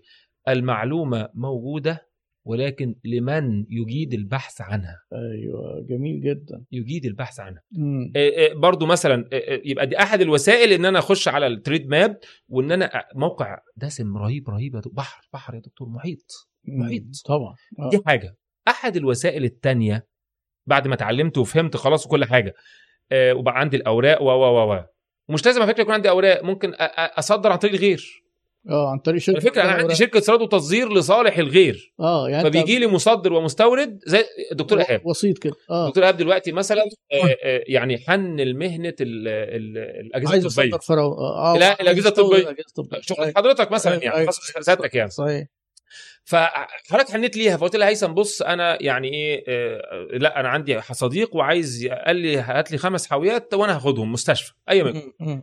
فحضرتك مش لازم بقى تقعد ترجع تاني يا دكتور تعمل بطاقة استيرادية؟ لا. هتيجي لواحد زي هيثم أو غيره يعني. له أنت عندك بطاقه استيرادية؟ آه. ممكن حضرتك أجيب على بطاقه بطاقتك. وبيبقى في عقد يعني بنعمل حاجة اسمها عقد استيراد أيوة. لصالح الغير. آه آه. في ناس بيقول لك إيه, إيه تاجيل باخد نسبة. أيوه والناس باخد نسبة. باخد نسبة مفيش بس على. فكرة أقول لك برضو يمكن عشان برضو الناس تفهم إن أحيانا ده حتى مش متاح. يعني أنا من خبرتي في الأجهزة الطبية وأعتقد القوانين دي ما زالت سارية ويمكن صعبوها.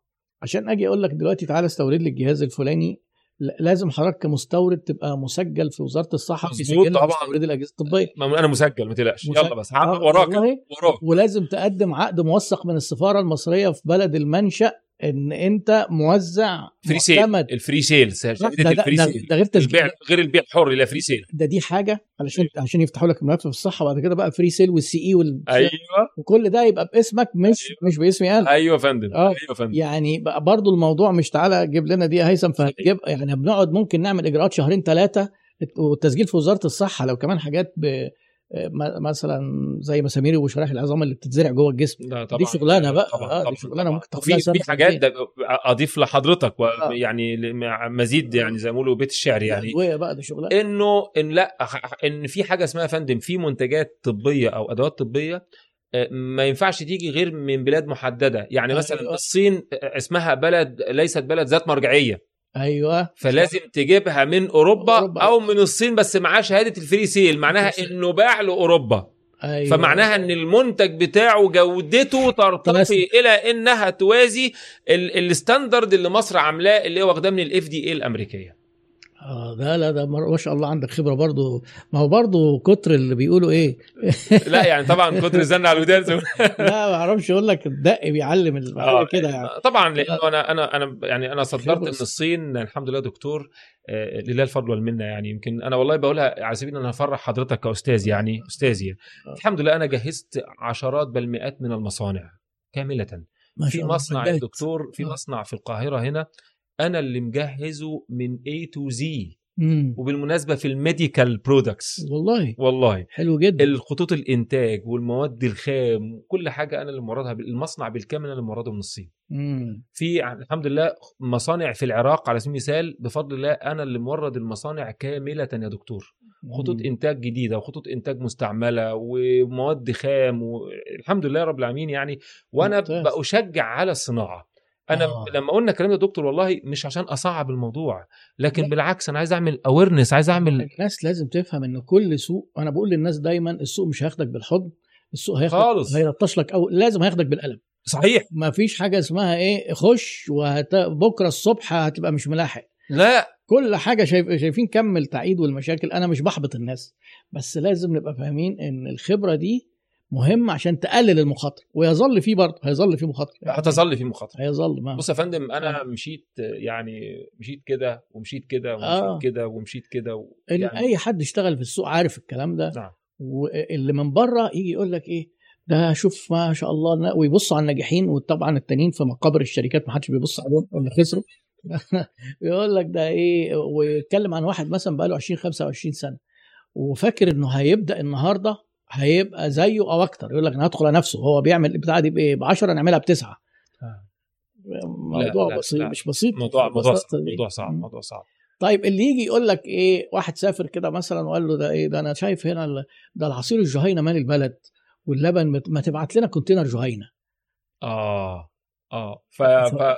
سؤال بقى إيه عشان أيوة. هنا عشان هنا في مغرز أيوه دي نظام تعالى أما نبعت ينفع أنا أروح أصدر جهينة وأنا مش جهينة. هو هركز فيها أنا قصد جوينه يعني. لا لا يعني على أساس على فكرة هي من الشري... من أكبر عشر شركات بتصدر في مصر يعني. طيب عصير النساجون الشرقيون ينفع؟ يعني واحد شاف عصير النساجون الشرقيون يدوي معمول صوف كده. فقال لك إيه ابعت لنا يا عم كونتينر عصير. ما تضحكش بقى هيثم كتير ما إحنا مش جايين هنا نقعد نضحك. هو أنا كل ما أجيب حد يقعد يضحك؟ كده لك الله أنت جاي تبوظ اللايف يا عم هيثم سيب عصير جهينه سيبه جهينه هي طلعت كده والله من غير أي حاجة. خلاص سج- سج- سجاد جهينه هفضل أضحك والله يا دكتور. طيب. أقول لحضرتك فكرتني بالراجل الأسباني اللي هو فضل يضحك أربع ساعات في الفيديو. أيوه ده شهير جدا الراجل ده. لا عايز أقول لك آه، خلينا نتكلم عن النساجون يعني. نتكلم عن آه، هل ينفع مثلا إن أنا آه، أروح آه، آه، مثلا النساجون عامل عرض 70% سيل؟ آه. فاروح بقى إيه رايح لمعرض النساجون وأروح لامم من هنا ولامم من هنا وأروح مصنع النساجون واقول له بقى إيه أنا اعرف حبيبي ابن عمتي شغال مدير مبيعات هناك فراح عامل لي بقى إيه discount اللي هو. يلا يا جدع عبي ال container بقى وأروح باعت للسعودية واليمن والعراق و... الحقوا عندنا سجاد خصم آه. طبعا ال container أصلا مش هيخرج من مصر أصلا يعني. طبعا. ليه مش هيخرج؟ أيوه. لأنه القانون المصري بيقول إنه عشان تصدر لابد يا إما أنت المصدر مم. ماشي؟ و... ويكون عندك علامة تجارية بتاعتك أو ما يكونش برضو مش معنى إن أنت المصدر أو المصنع. مم. إن تروح تكتب لي آه النساجون الغربيون مثلا يعني. آه. لا هتتقفش برضو لأن ده يعني تشبيه بعلامة تجارية شهيرة. فهتت- هتتقفش برضو. ملكية فهو ملكيه آه. فلا لا يا إما عشان تصدر لازم تكون أنت المصنع. أيوه. أو هتاخد من نساجون تاخد موافقة النساجون الشرقيون على التصدير. لو ما خدتش الموافقة من النساجون ولا سجادة هتطلع. أو بقى كل ما تشاء بقى كريازي العربي أي حاجة. جهينة أي حاجة أي حاجة الناس اللي عايشين يقول لك إيه شكل لنا كده شكل لنا كونتينر كده وابعته لنا آه، لا لا ممكن أشكل بس بقى. ما يكونش علامة تجارية آه لكن بص لا يا دكتور آه. عادي أنا ممكن يا فندم أروح خان الخليلي آه. وأشكل. خلاص ده مش على حاجات فرعوني ومش عارف إيه وبتاع. بس آه. ما تكونش حاجة يعني زي ما كده كوبي أو ما تكونش حاجة آه. يعني مقلدة أو ما تكونش حاجة آه، آه، يعني مستوردة من الخارج. آه. لا لأن كده بيحتاج موافقة إعادة تصدير. دي كده اسمها مش تصدير اسمها إعادة تصدير. آه. آه، يعني ما- معلش الأهرامات الصغيرة اللي بتتباع دي كلها صيني. أيوه. فما ينفعش أروح واخدها كميات أروح يلا أروح أصدرها. لو آه. لو اتمسكت على إنها منتجات مستوردة مش هتبقى مخالفة مم. لكن لازم تكون صناعة مصرية مم. مفيش مانع خ... صناعة يدوية بقى مفيش مشاكل لو آه، حاجات يدوية ما أعرفش إيه. سبح آه. آه مفيش مشاكل لكن آه. لو مصن... مصنع لازم آخد آه، موافقة المصنع آه. فدي نقطة مهمة جدا يعني الحاجات اليدوية اللي مش براندد ممكن إيه آه، آه، تصدر من مشكلة. غير موافقه موافقة المصنع آه مفيش مشكلة بس لا, لا لا لازم لو من مصنع لازم آخد موافقة المصنع نفسه لا يعني افرض حتى لو مش علامة تجارية. حد بيعمل كليم مش علامة تجارية مثلا ده كده مصنع يعتبر؟ إيه والله هي بس هترجع للمنشأ عشان تعرف تعمل شهادة منشأ. آه، فلا بد هيطالبك برضه ببعض الإجراءات. أيوه بالظبط آه، عشان مكون دايماً محلي الأفضل من من أي مصنع خد منه موافقة. إن آه. أنا باخد منك موافقة عشان ما حدش يكلمك. خليك في الأمان يعني والحاجات اللي بتتصنع بدون رخصة صناعية أصلا الحاجات الحاجات اليدوي كتير ال... ال... ما ما لا دي ما هي دي الحاجات اللي دي ما فيهاش دي مشكله ما فيهاش مشكلة. آه يعني آه. الحاجات اللي هي ال- ال- اللي بيسموها الص- الصناعات اليدوية. وتقدر تجيب بيها شهادة آه منشأ ما فيش مشكلة ما فيش مشكلة. ياخد بيها شهادة منشا ما فيش. مشكلة. آه آه. ما فيش مشكلة فيها. فدي دي بعض الإجراءات ال- ال- في تيسير للأمانة برضو الدولة والحكومة بتقدم تسهيلات كبيرة جدا. آه إيه بقى التسهيلات؟ إدينا فكرة عن تسهيلات التصدير دي. يعني إيه الفرق ما بين الواحد يصدر ويستورد؟ على سبيل المثال إن آه. أنت لو أنا مثلا سي بعمل مصنع في أول خمس سنين أنا باخد كتير من الإعفاءات إعفاءات. ضريبية وإعفاءات عقارية. ما هو المصنع ده عقار آه. تعفى من اللي داخل فيه. كويس. وبتاخد كمان حاجة اسمها دعم تصديري. آه. ومهم جدا قبل ما عشان تاخد بس خد بالك عشان تا- تاخد الدعم التصديري لازم تنضم الأول لشعبة التصدير أو غرفة التصدير أو آه. مجلس التصديري. إحنا عندنا آه. حاجة اسمها المجالس التصديرية. آه. بص يا فندم أنا دلوقتي دخلت مجال الصناعة. خلينا بقى لو إحنا هنخش في مجال الصناعة نرجع أيوة. أيوه. فلاش باك خطوة لورا. آه. هل أنا معايا فلوس؟ أخش أعمل مصنع؟ لا. طب هل أنا اتنين إحنا اتنين تلاتة شباب والحكومة بتشجع على الصناعه هل أنا أروح أصنع؟ أيوه الحكومة بتشجع على الصناعه بس بعلم برضه إن أنا أروح أتعلم الأول. وآخد بأسباب المهنة. زي. ما ساعتك برضو كده. هل ينفع أي حد يروح يعمل مستشفى؟ حتى لو طبيب. برضو لا. لازم ليها إجراءات وموافقات وكذا وكذا وكذا. كذلك برضو أنت عايز تعمل مصنع. قول لي خلفيتك الصناعية إيه. مين بقى اللي بيطلب لا مفيش ده, ده انت عشان آه عشان انت ما عشان ما. تفشلش وتخسرش لكن في مس... في مثال المستشفى وزارة الصحة آه، والنقابه طبعا طبعا لكن. انت عشان تعمل مصنع لا عادي جدا هتروح تعمل سجل صناعي وزاره الاستثمار و- والهيئة التنميه الصناعية تديك حتة أرض بالتمليك أو بالإيجار أو بإيجار آه. تمويلي كذا كذا نوع يعني تمام تمام لكن أنا آخر خطوة أي حد يخش فيها يا دكتور هي ال- التصنيع. التصنيع يسبقه ان أنا ان أنا أكون شغال في المنتج الأول أكون. فاهم فيه كويس الأول أكون مم. عارف بيتصنع إزاي وأكون عارف لما اصنع هصنع أنهي quality وأنهي category. ولما اصنع هل بستهدف بالإنتاج السوق المحلي أم السوق الخارجي لأن ده ليه آليات تصنيع وده ليه آليات تصنيع وهل لو أنا بستهدف السوق الداخلي هل بستهدف القاهرة الكبرى ولا الأقاليم ولا هو. بستهدف الأقاليم لأن ده ليه شريحة ولا دي ده ليه شريحة مم. يعني الموضوع لا في تفاصيل كتير آه. قوي من ضمن ذكاء الصينيين اللي الواحد مثلا في بعض المعارض الشهيرة معرض كانتون والكلام نعم. ده لما بتدخل على شركة قديمة في مجال ما وبيعرف مثلا إن أنت من مصر يقول لك تعالى الحاجات اللي بتمشي في مصر هي دي ودي ودي ودي. طبعا. لأن هو آه، سنين في السوق وبيصدر لدول كتير وعارف الأسواق بتختلف في ال- هو زي فندم زي يعني مثال بسيط الناس هتعرفه. أيوه. زي العربية. آه. يقول لحضرتك مثلا إيه العربية دي خليجي. أيوه. ما تمشيش في السوق المصري. أيوه. لا دي أوروبي. بتاخد بنزين 98 ما تمشي ما بالظبط. تمشيش عندنا. أيوه أنا آسف يا فندم ال- الأجهزة المنزلية نفسها مم. في حاجة اسمها الفيشة نفسها يا فندم آه، ليها أوروبي وما آه في أوروبي وفي في أمريكي. المص... أمريكي وفي المواصفة اللي هي أنا آسف في ثلاث صوابع آه. في صباعين في صباعين مدورين في صباعين اللي هي ال flat آه، ليها سبع ثمان أشكال حسب الدول طبعا ف... فما ينفعش وبعدين حتى ال... الفولت نفسه دي آه. كام فولت ودي كام فولت لا مصر عندنا هنا كذا. آه. فاللي بيشوف الأجهزة المنزلية اللي تروح السعودية مختلفة تماما غير اللي بتيجي مصر. آه طبعا. فهو نفس الشيء يا فندم حتى في اللبس. مش بقول لك ال design ده ما يمشيش عندنا في مصر ال design يمشي في بلد تانية. فلازم يا جماعة كل واحد ي... لا عشان يا فندم لازم لابد أن يمتهن المهنة اولا. كمية تفاصيل كتير لازم ن- أنا مش بشتت الناس. في منحنى تعلم لازم هنمر بيه. نعم. عشان كده أنا شايف إن أحيانا من الحكمة إن الواحد يبدأ ب scale صغير. ويجرب ما يدخلش بقوة إن واحد يقول لك إيه هات لي 10 container ما أعرفش إيه لو أول مرة طبعا لأ لا لو آه، أول مرة يجرب في container يجرب في. container آه ويكون معاه حد بيسنده ويكون آه. آه. معاه consultant استشاري ويكون زي برضو بالمناسبة يا دكتور وأنا بقولها صريحة ولا أستحي أن أقولها الناس اللي عايزة تستورد من الصين أو من تركيا أكبر مم. بلدين يعني مثلا. صدروا لمصر مم. على سبيل المثال أو أي بلد عربي مم. آه آه هتروح الصين أو تركيا لأول مرة لو سمحت اشتغل مع مكتب مش لوحدك. آه.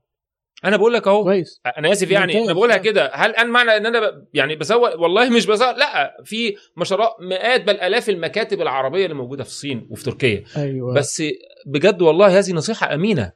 ما ممتاز. تروحش تشتغل لوحدك. أنت بلد غريبة لغتها غريبة آه، آه، ناس أول مرة تتعامل معاهم ما تعرفش أي حاجة ممكن حظك العاثر يقع مش هقول لك مورد نصاب لكن مورد مش أمين معاك في التفاصيل ما بينصحكش مش هيقول أيوة. لك إن المنتج ده خد بالك لازم ال shipping ال label يتحط بالطريقة الفلانية لازم ال packing بالطريقة الفلانية مم. ال- الجودة دي خد بالك على سبيل المثال يا فندم ال steel أو الستانلس أو أي حاجة ليه مواصفة خاصة جدا عشان تخش مصر مش أي مواصفة بتخش مم. فالاجهزه الطبية مثلا المستعملة بتخشش مصر. آه ممنوعة. شفتها؟ آه في أيوة. حين في دول تانية مسموح كنا بندخلها دلوقتي منعوها. واحد يقول لي أنا عايز هم- أجي أجيب كونتينر ملابس. لا ما حضرتك لازم تعرف إن الملابس محظور استيرادها استيراد نهائي.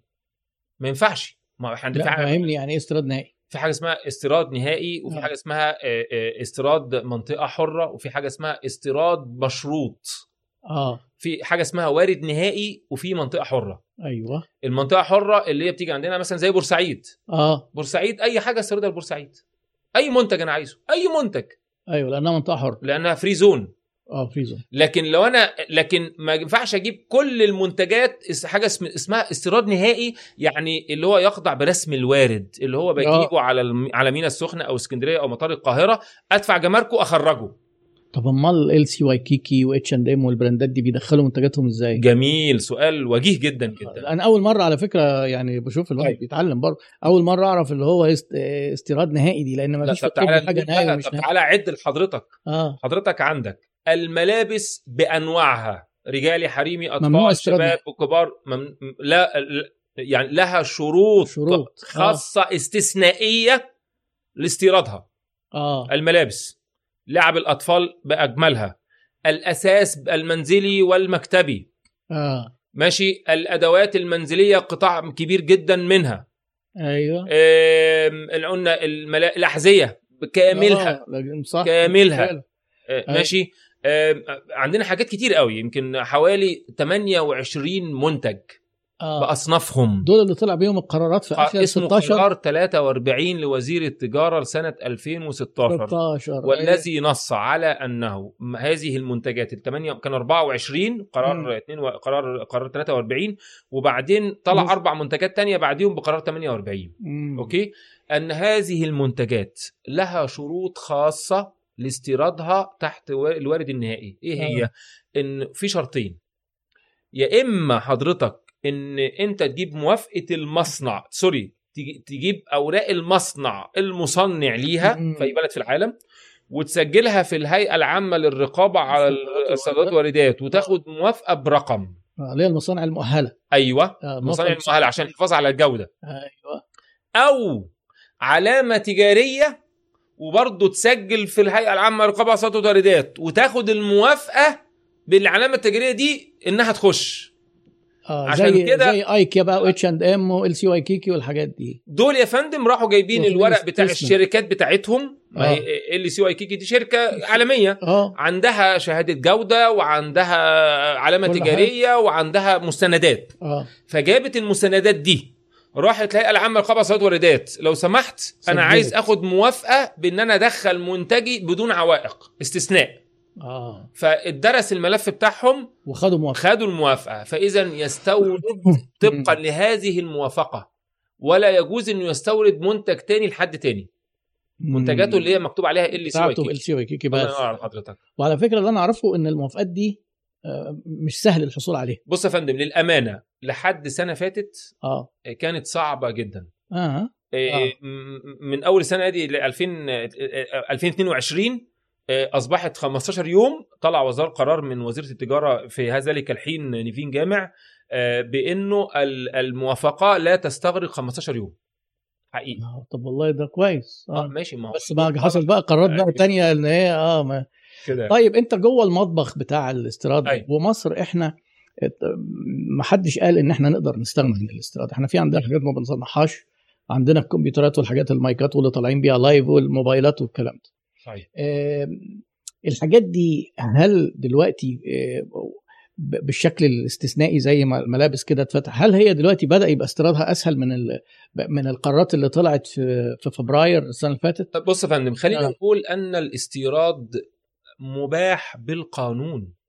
أيوة. يعني ما فيش حد ما فيش حد يقدر يقول ابدا آه، إن الاستيراد ممنوع ولا إنه ما يشجعش على الاستيراد بالعكس أنا بشجع الاستيراد. أيوه. لأنه قانوني.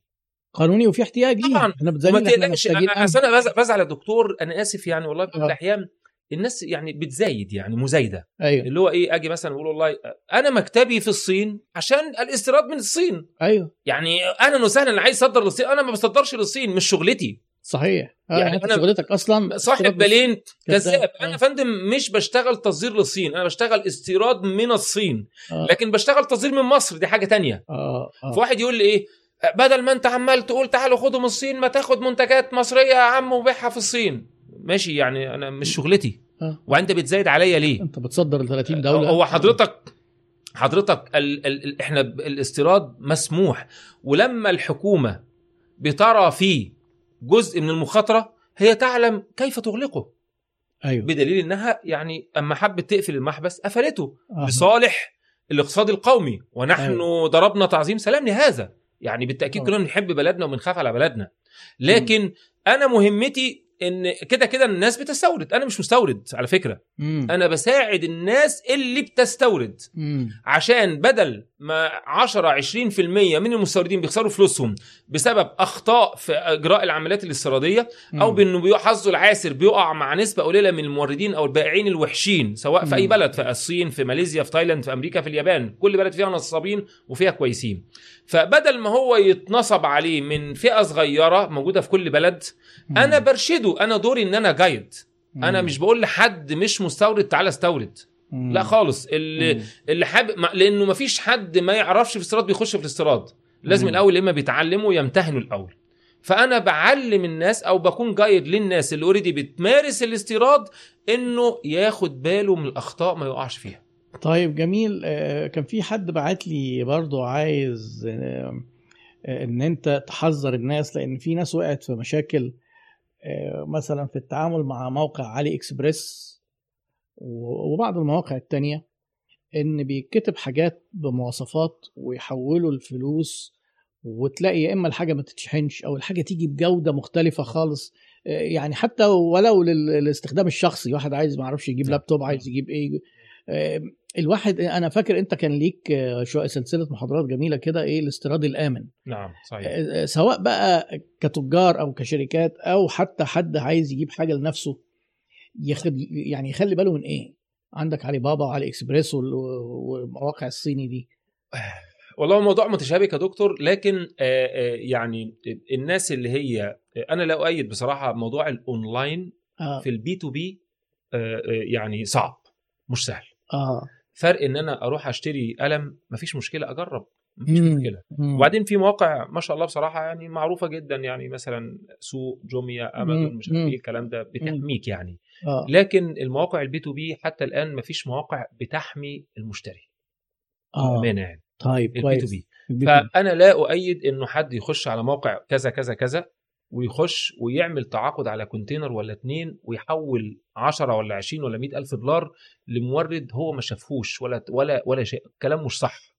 طب يقول لك أصل ده gold supplier أنا آسف آه. سامحوني والله يا جماعة. آه، علي بابا بتدي badge كده لشركات إن هي فتشت وراحت ولقت المعرفش إيه وشافت الأوراق. بس برضه الكلام ده آه، يعني حصل معاه مشاكل ما- برضه. كتير جدا. بيحصل مشاكل. كتير جدا. لا أصل الموضوع مش إن الشركة مش مثلا إيه مش موجودين. أصل في ناس يقول لك إحنا شركة كذا وهم داخلين على علي بابا وعمل account وما دفعش يا حاجة فندم آه، يعني عايز لنا لك. في بعض الحالات بي- بي- بيبقى فيديو بتشوف فيديو للمصنع آه وهو مش مصنعه. مش مصنع ب- وممكن بل بالعكس ده ممكن أنت حق تروح تروح تاخد تذكرة وتروح له ويستقبلك في المطار في محطه القطر ويوديك المصنع ويقعدك ويشربك ويأكلك آه، وهو مش مصنعه. أنا حصلت معايا على فكرة كنت مراسل ناس آه، أيام كنت برضه بجيب حاجات نزلت كنت الصين في 2011 بس عشان أنا بستورد كنت حاجات متخصصة في تخصص معين. فعارف الشركات اللي في الصين. نعم. الناس جولي الأوتيل بعت اللي أنا مراسلهم بعتوا لي بنت أمورة كده. أيوه ما هو ده دايما يعني. آه. كانت حلوة يا دكتورة. آه بصراحة. أيوه. ما ثبتوا تفهمش حضرتك ما خلاص تفهمش بي- الجيبات عندهم برضو مقاساتها صغيرة كده قوي فالمهم إيه وخد وعربية وسواق. وبعدين رحنا دخلنا مصنع. لا دخلنا مصنع كمان هم بالجرأة والبجاحة. المصنع عليه اسمه وأنا عارفه وعارف وكيله في مصر. اتصلت أيوة. بيه وأنا هناك. أيوه. قلت له ده أنا جاي لشركة خدوني للشركة بتاع هم حبايبي. أيوه شوف يا سلام. خدوني للشركة بتاعتكم. يا سلام. آه. فالمهم إيه كلم الراجل وبتاع لقيت البت بتكلمني بتتخانق معايا يتخانق معايا إن أنا إيه إن أنا عملت لهم تكلمه؟ مشكلة. أيوه. إحنا كلمنا ده؟ انت بص النصابيه ليه؟ قالت لي ده إحنا كنا هنعمل لك brand تاني وهنديك وكيل لل brand التاني. يعني لا، لا. فبتحصل طبعا أنا يعني بحسن الحظ إن أنا عارف زي أيوه.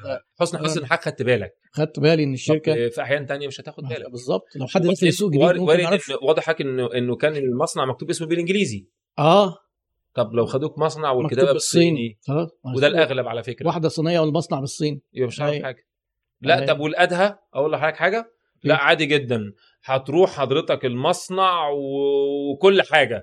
هو بيروح يقول للمصنع إيه؟ أنا هعمل معاك order بس أنت مالكش دعوه بالزبون ويغير في البضاعة. طب أقول لحضرتك على واقعة كانت فريدة من نوعها. يعني بالمثال يتضح المقال زي ما بيقولوا يعني. أيوه آه، كان حد مصري آه، يعني أنا عندي قسم commercial dispute فض المنازعات يعني. ففي أيوة. عميل قال أنا اتنصب عليا أو في مشكلة مع مورد وكده وبتاع.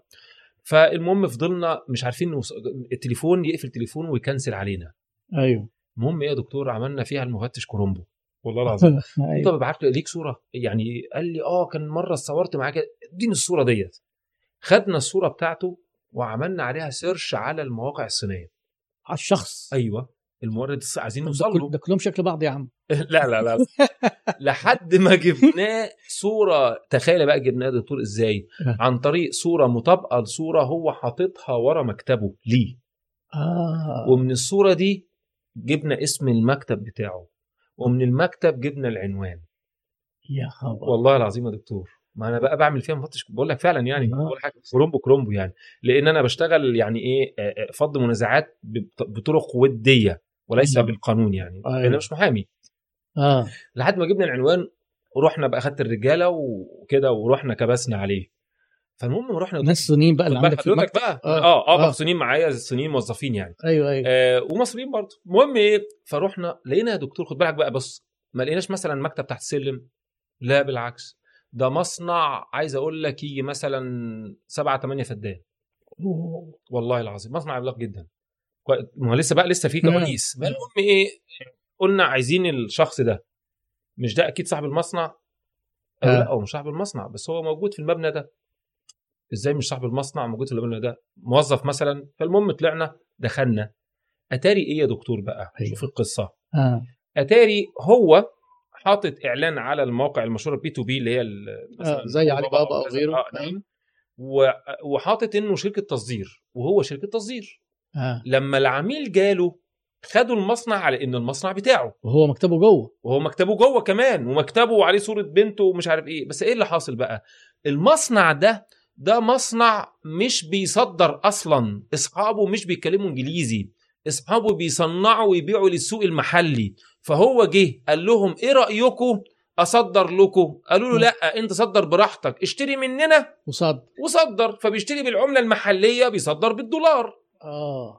قال لهم طب ما أنا العميل بيجي لي فعايز يعرف يحس إن ده مصنعي. قالوا له عايز إيه؟ قال لهم عايز أجر أوضة في المبنى ده. فراح مأجر أوضة في المبنى الإداري بتاع المصنع. ماشي. ده. بس لما يجي الزبون يقول له إيه؟ مصنعي. مصنع وبعدين الأوضة عملها إيه بقى؟ بص مكتب كده فخيم كده زي اللي حضرتك معادني عليه كده وبتثبتني. وعامل لي كده زاوية اللي هي إيه يعني استجواب. خدت بال حضرتك فعامل الاوضه شيك جدا جدا جدا. طبعا. فلما حضرتك أنت مساورة تروح وياخدك المكتب خلاص خلص هل هيجي لك أدنى شك إن. ده مكتب صاحب المصنع؟ وهو مش صاحب المصنع. طيب لما حصلت المشكلة قفل تليفونه مع السلامة. هل المصنع عليه حاجة؟ المصنع ما بكلمه قال لي بقول لك إيه أنا ما أعرفوش أنا مالي أنا مالي اتفضل. ده مكتبه شركته ده مأجر بعقد إيجار روح اتعامل معاه.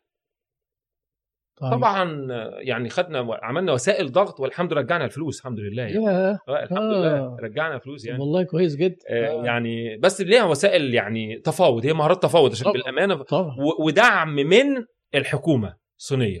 آه. وأنا أشهد بذلك إن الحكومة الصينية الدولة. سمعتهم مجرد ما بنروح لل يعني للغرف تجاريه طبعا أنا بستخدم برضو ال power بتاعي يعني ميديا وعلى آه. علاقات طيبة جدا بصراحة مع السفارة الصينية هنا يعني كل التعاون ودعم قوي جدا جدا من معالي السفير لياو لي تشيانج سفير جمهورية الصين هنا في القاهرة وأيضا. مع ال- ال- ال- الغر- الحكومة المحلية هناك في ال- في الصين يعني الحمد لله علاقات طيبة جدا جدا ودعم هم شايفين إن أنا بقول لهم يا جماعة أنا مش عايز القلة القليلة اللي موجودة في أي بلد إنها تسوق. صورة زي ما برضو أكيد موجودة في مصر. آه. في اي في كل بلد.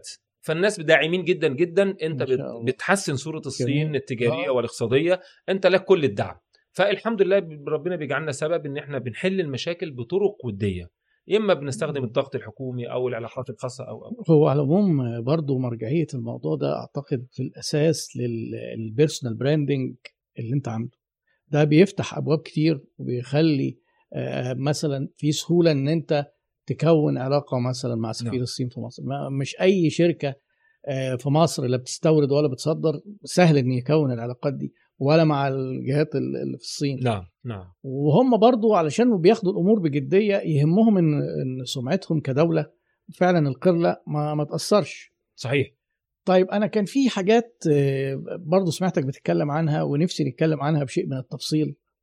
آه، التجربة الصينية.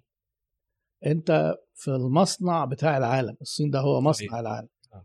وأكبر زي ما أنت يعني هو تاني أكتر تاني أكبر اقتصاد هو يعني بعد الولايات المتحدة. بعد الولايات نعم، المتحدة. صحيح. وقدامه كذا سنة خلاص ده شيء مؤكد كل التنبؤات 100% بتقول إن هو هيبقى رقم واحد. 100% آه. في حين إن إحنا لما كنا بندرس الصين مش من زمان قوي يعني.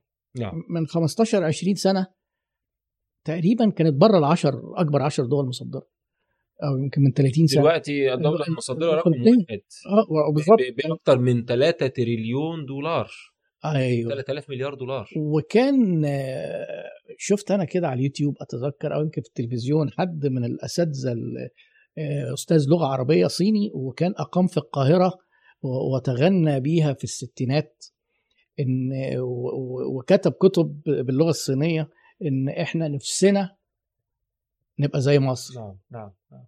التجربة الصينية إحنا على مستوى الأفراد لأن هم عملوا آه، عملوا حاجة اقتصادية كده كوكتيل إن بقى في ملكية خاصة وفي مشاريع. إيه إيه إيه- إيه اللي نقدر نستفيده إحنا أو نقدر ننقله أو إحنا كشباب كمستثمرين كناس عايزين يدخلوا في مجال البيزنس نغش منهم إيه؟ نغش منهم آه الاهتمام بالصناعات متناهية الصغر. آه جميل دي. رقم واحد. الصناعات المتناهية الصغر أنا بعتبرها آه. آه هي أحد عوامل النهضة الصناعية الصينية. آه. حقيقي. آه اديني أمثلة. آه، مثال هدي حضرتك أمثلة كتيرة جدا. آه. إنه الصين لما قامت الأول آه، قامت على الصناعات الصغيرة. على أيوة. فكرة الصين ما قامتش بسبب التكنولوجيا خالص. أيوه. لأ الصين قامت بسبب الدعم في دعم حكومي حاصل للصناعات الصغيرة وانتشار الصناعات الصغيرة وإزالة المعوقات والتعقيدات اللي بتخلي مثلا المصانع الصغيرة إنها تستمر أو أو أو أو أو. آه، أنا هدي مثال مثلا على سبيل المثال آه، مثال أنا حكيته أكتر من مرة لأنه ده مثال واقعي. أنا شفته بعينيا آه، كان في مرة كان ده كان من حوالي خمس ست سنين تقريبا مستورد مصري جالي الصين عايز قطع غير سيارات فالمهم وكان عايز منتج معين قال لي المصنع ده بصراحة حلو قوي المهم عملنا بحث عليه وجبنا المصنع يلا. نروح مع بعض رحنا كان في أدغال الصين كده في يعني مدينة بعيدة يعني. فلما رحنا يا دكتور يا مصنع يا دكتور المصنع. آه، تخيل المصنع ما شاء الله إحنا كنا عملنا كونتينر واحد ب ألف دولار مم. قطع غير دي نعم. تخيل المصنع كان عامل إزاي؟ مم. والله كما أحكي لحضرتك بما رأته عيناي. عبارة عن فيلا مهجورة. فيلا مهجورة. صاحب المصنع شاب عنده 22 سنة. يا أجر آه. الفيلا. آه. في الجنينة بتاعت الفيلا حط المواد الخام. آه. في الدور الأول في الفيلا حط المكن. آه. شال الحيطان وبتاع والعواميد بس. في الدور الثاني الشوروم. والقسم الإداري الموظفين ده. المصنع- ده, ده مصنع أنا عملت معاه حاوية ب ألف دولار. آه. هي دي الصناعات متناهية الصغر على فكرة صناعات صغيرة. هي دي.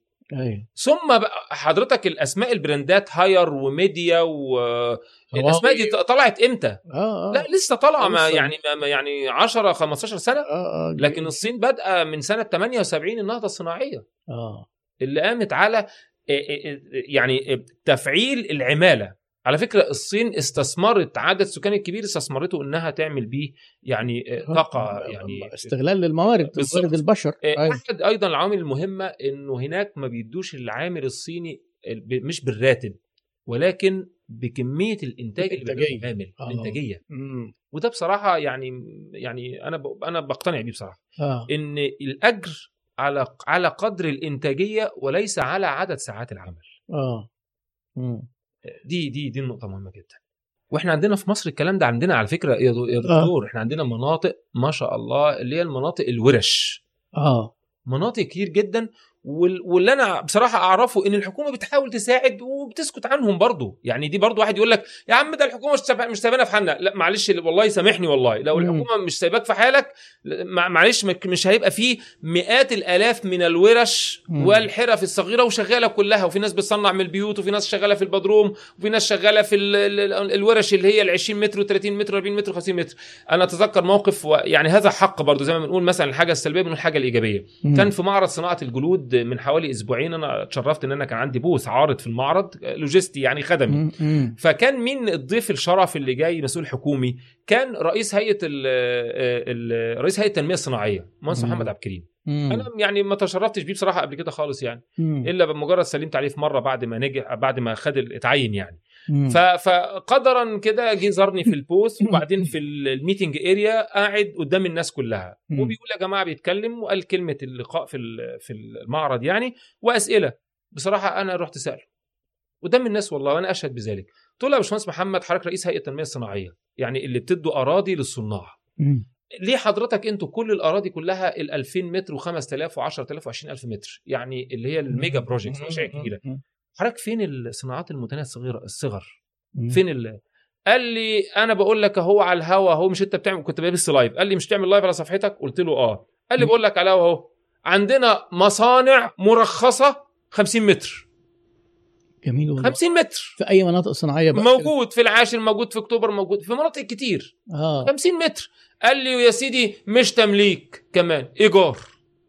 آه يعني اللي عايز اقوله يا دكتور إن انه إحنا نسأل وفي حاجات متاحة إحنا ما نعرفش عنها كتير يا دكتور آه على فكرة المؤسسات في مصر والهيئات كبيرة وكتيرة جدا مم. عندنا هيئات عندنا مؤسسات عندنا غرف صناعية عندنا غرف تجارية عندنا شعب صناعية عندنا مم. شعب تجارية مم. عندنا مجالس تصديرية عندنا آه، آه، آه، حاجات استشارية عندنا مم.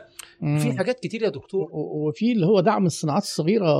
ده في جهاز كامل. جهاز، آه. كانت ترقصه الوزيره نيفين جامع. اللي هو أيوه. جهاز دعم المشروعات الصغيرة ومتناهية الصغر. ده أيوة. بيقدم قروض يا دكتور بيقدم دعم وبيقدم وبيقدم وبيقدم. مم. أنا أعلم في مرة إن في جهاز من هذه الأجهزة كان بيدور على ناس تاخد الميزانية اللي مرصودة.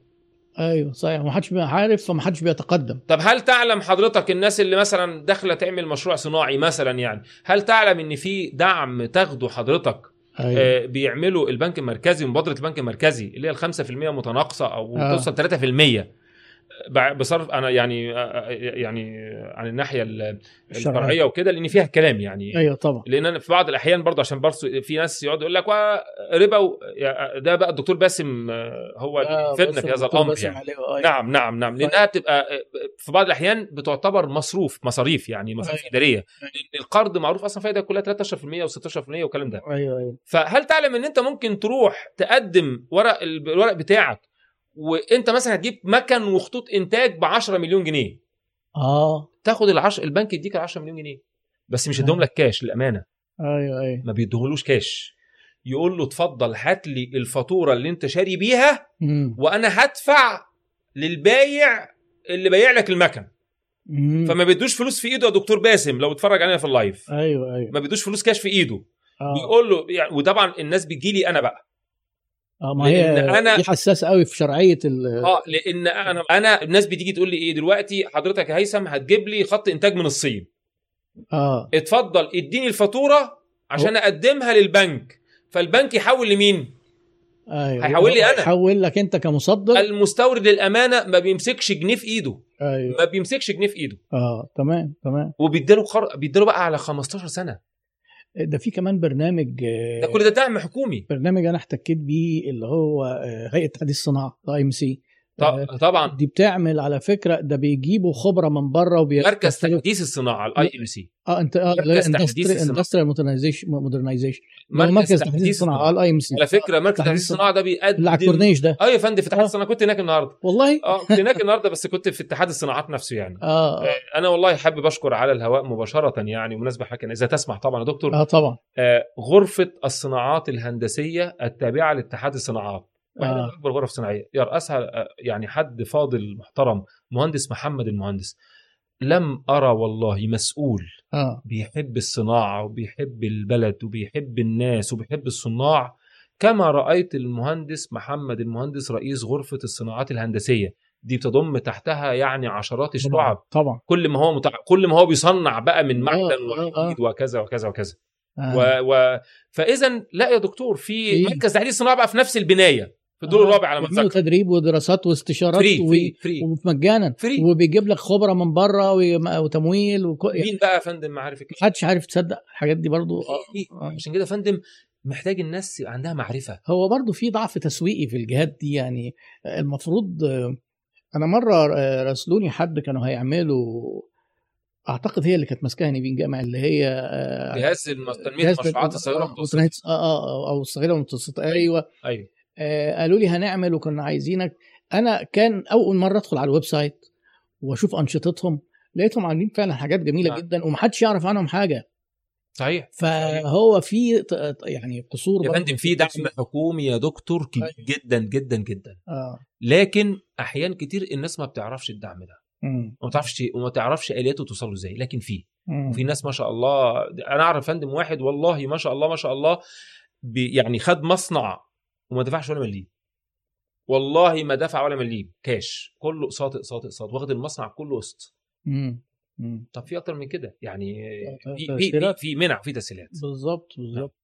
طيب آه يعني إحنا قلنا آه برضو على ذكر الموضوع آه، آه، الصناعات الصغيرة في مصر والسوق الموازي اللي هو الناس الغير مسجلين وكده على فكرة دول عددهم كبير جدا. كعدد أكتر من الشركات المسجلة يعني صحيح. يقدروا ب 2 مليون صحيح وهي الحكومة بتحاول تنظم وتعمل لهم شمول مالي وتدخلهم صحيح. حسابات بنوك وت- صحيح عشان آه، عشان ينظموا ياخد دعم و- آه، عشان ياخد. منح هل. تعلم حضرتك ويدفع ضرائب هل آه. تعلم حضرتك آه. إن أنت ممكن دلوقتي اللي كان بيكلمنا على التصدير آه. هل تعلم أحد وسائل الترويج في التصدير هي حضور المعارض الدولية ما هو ال buyer هيعرفك إزاي المشتري يعرفك إزاي آه. لازم أنت تروح له زي ما الصين. كانوا بيجوا لنا زمان knock door كده ولا شايله آه. ابنها على كتفها ومعاها الملابس والبطاطين والملايات وتقول لك بص حاجة صيني فاكر. أنت فاكر. الكلام ده من يجي 20 25 سنة ف ف فلازم البائع هو يروح يدور على المشتري مش المشتري آه. يدور على البائع فهي بقى الدولة بتعمل معارض وحاجات زي يا كده. فندم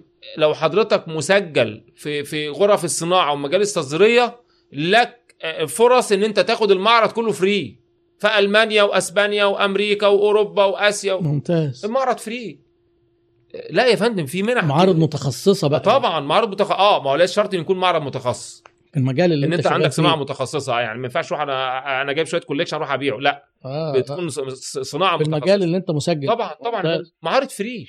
معرض ممكن يكلف له مثلا 20000 دولار انت بتاخده ولا لو دفعت 1000 دولار ولا بتاع. طيب كويس جدا.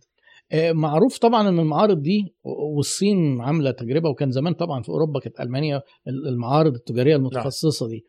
إنها من ضمن الطرق اللي هي آه، الترويجية في التصدير والاستيراد. طبعا. اللي عايز يصدر بقى انت هل تنصح إن هو يقعد على النت يدور على مستوردين؟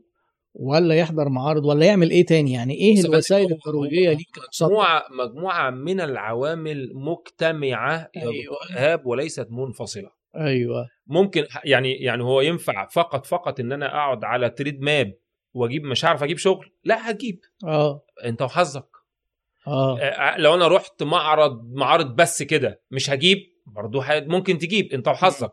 لكن في واحد يا فندم بقول لحضرتك يمتهن المهنة. لما آه. يمتهن يعرف كل بيبقى ستور عارف جميع الأدوات. كلها. الله ينور. عليك. آه كويس جدا. آه الأدوات طب من نستعرض بقى الأدوات على قد ما آه ال- الأدوات. الأشهر فيهم. الأدوات. الأشهر ال Trade Map وحضور المعارض.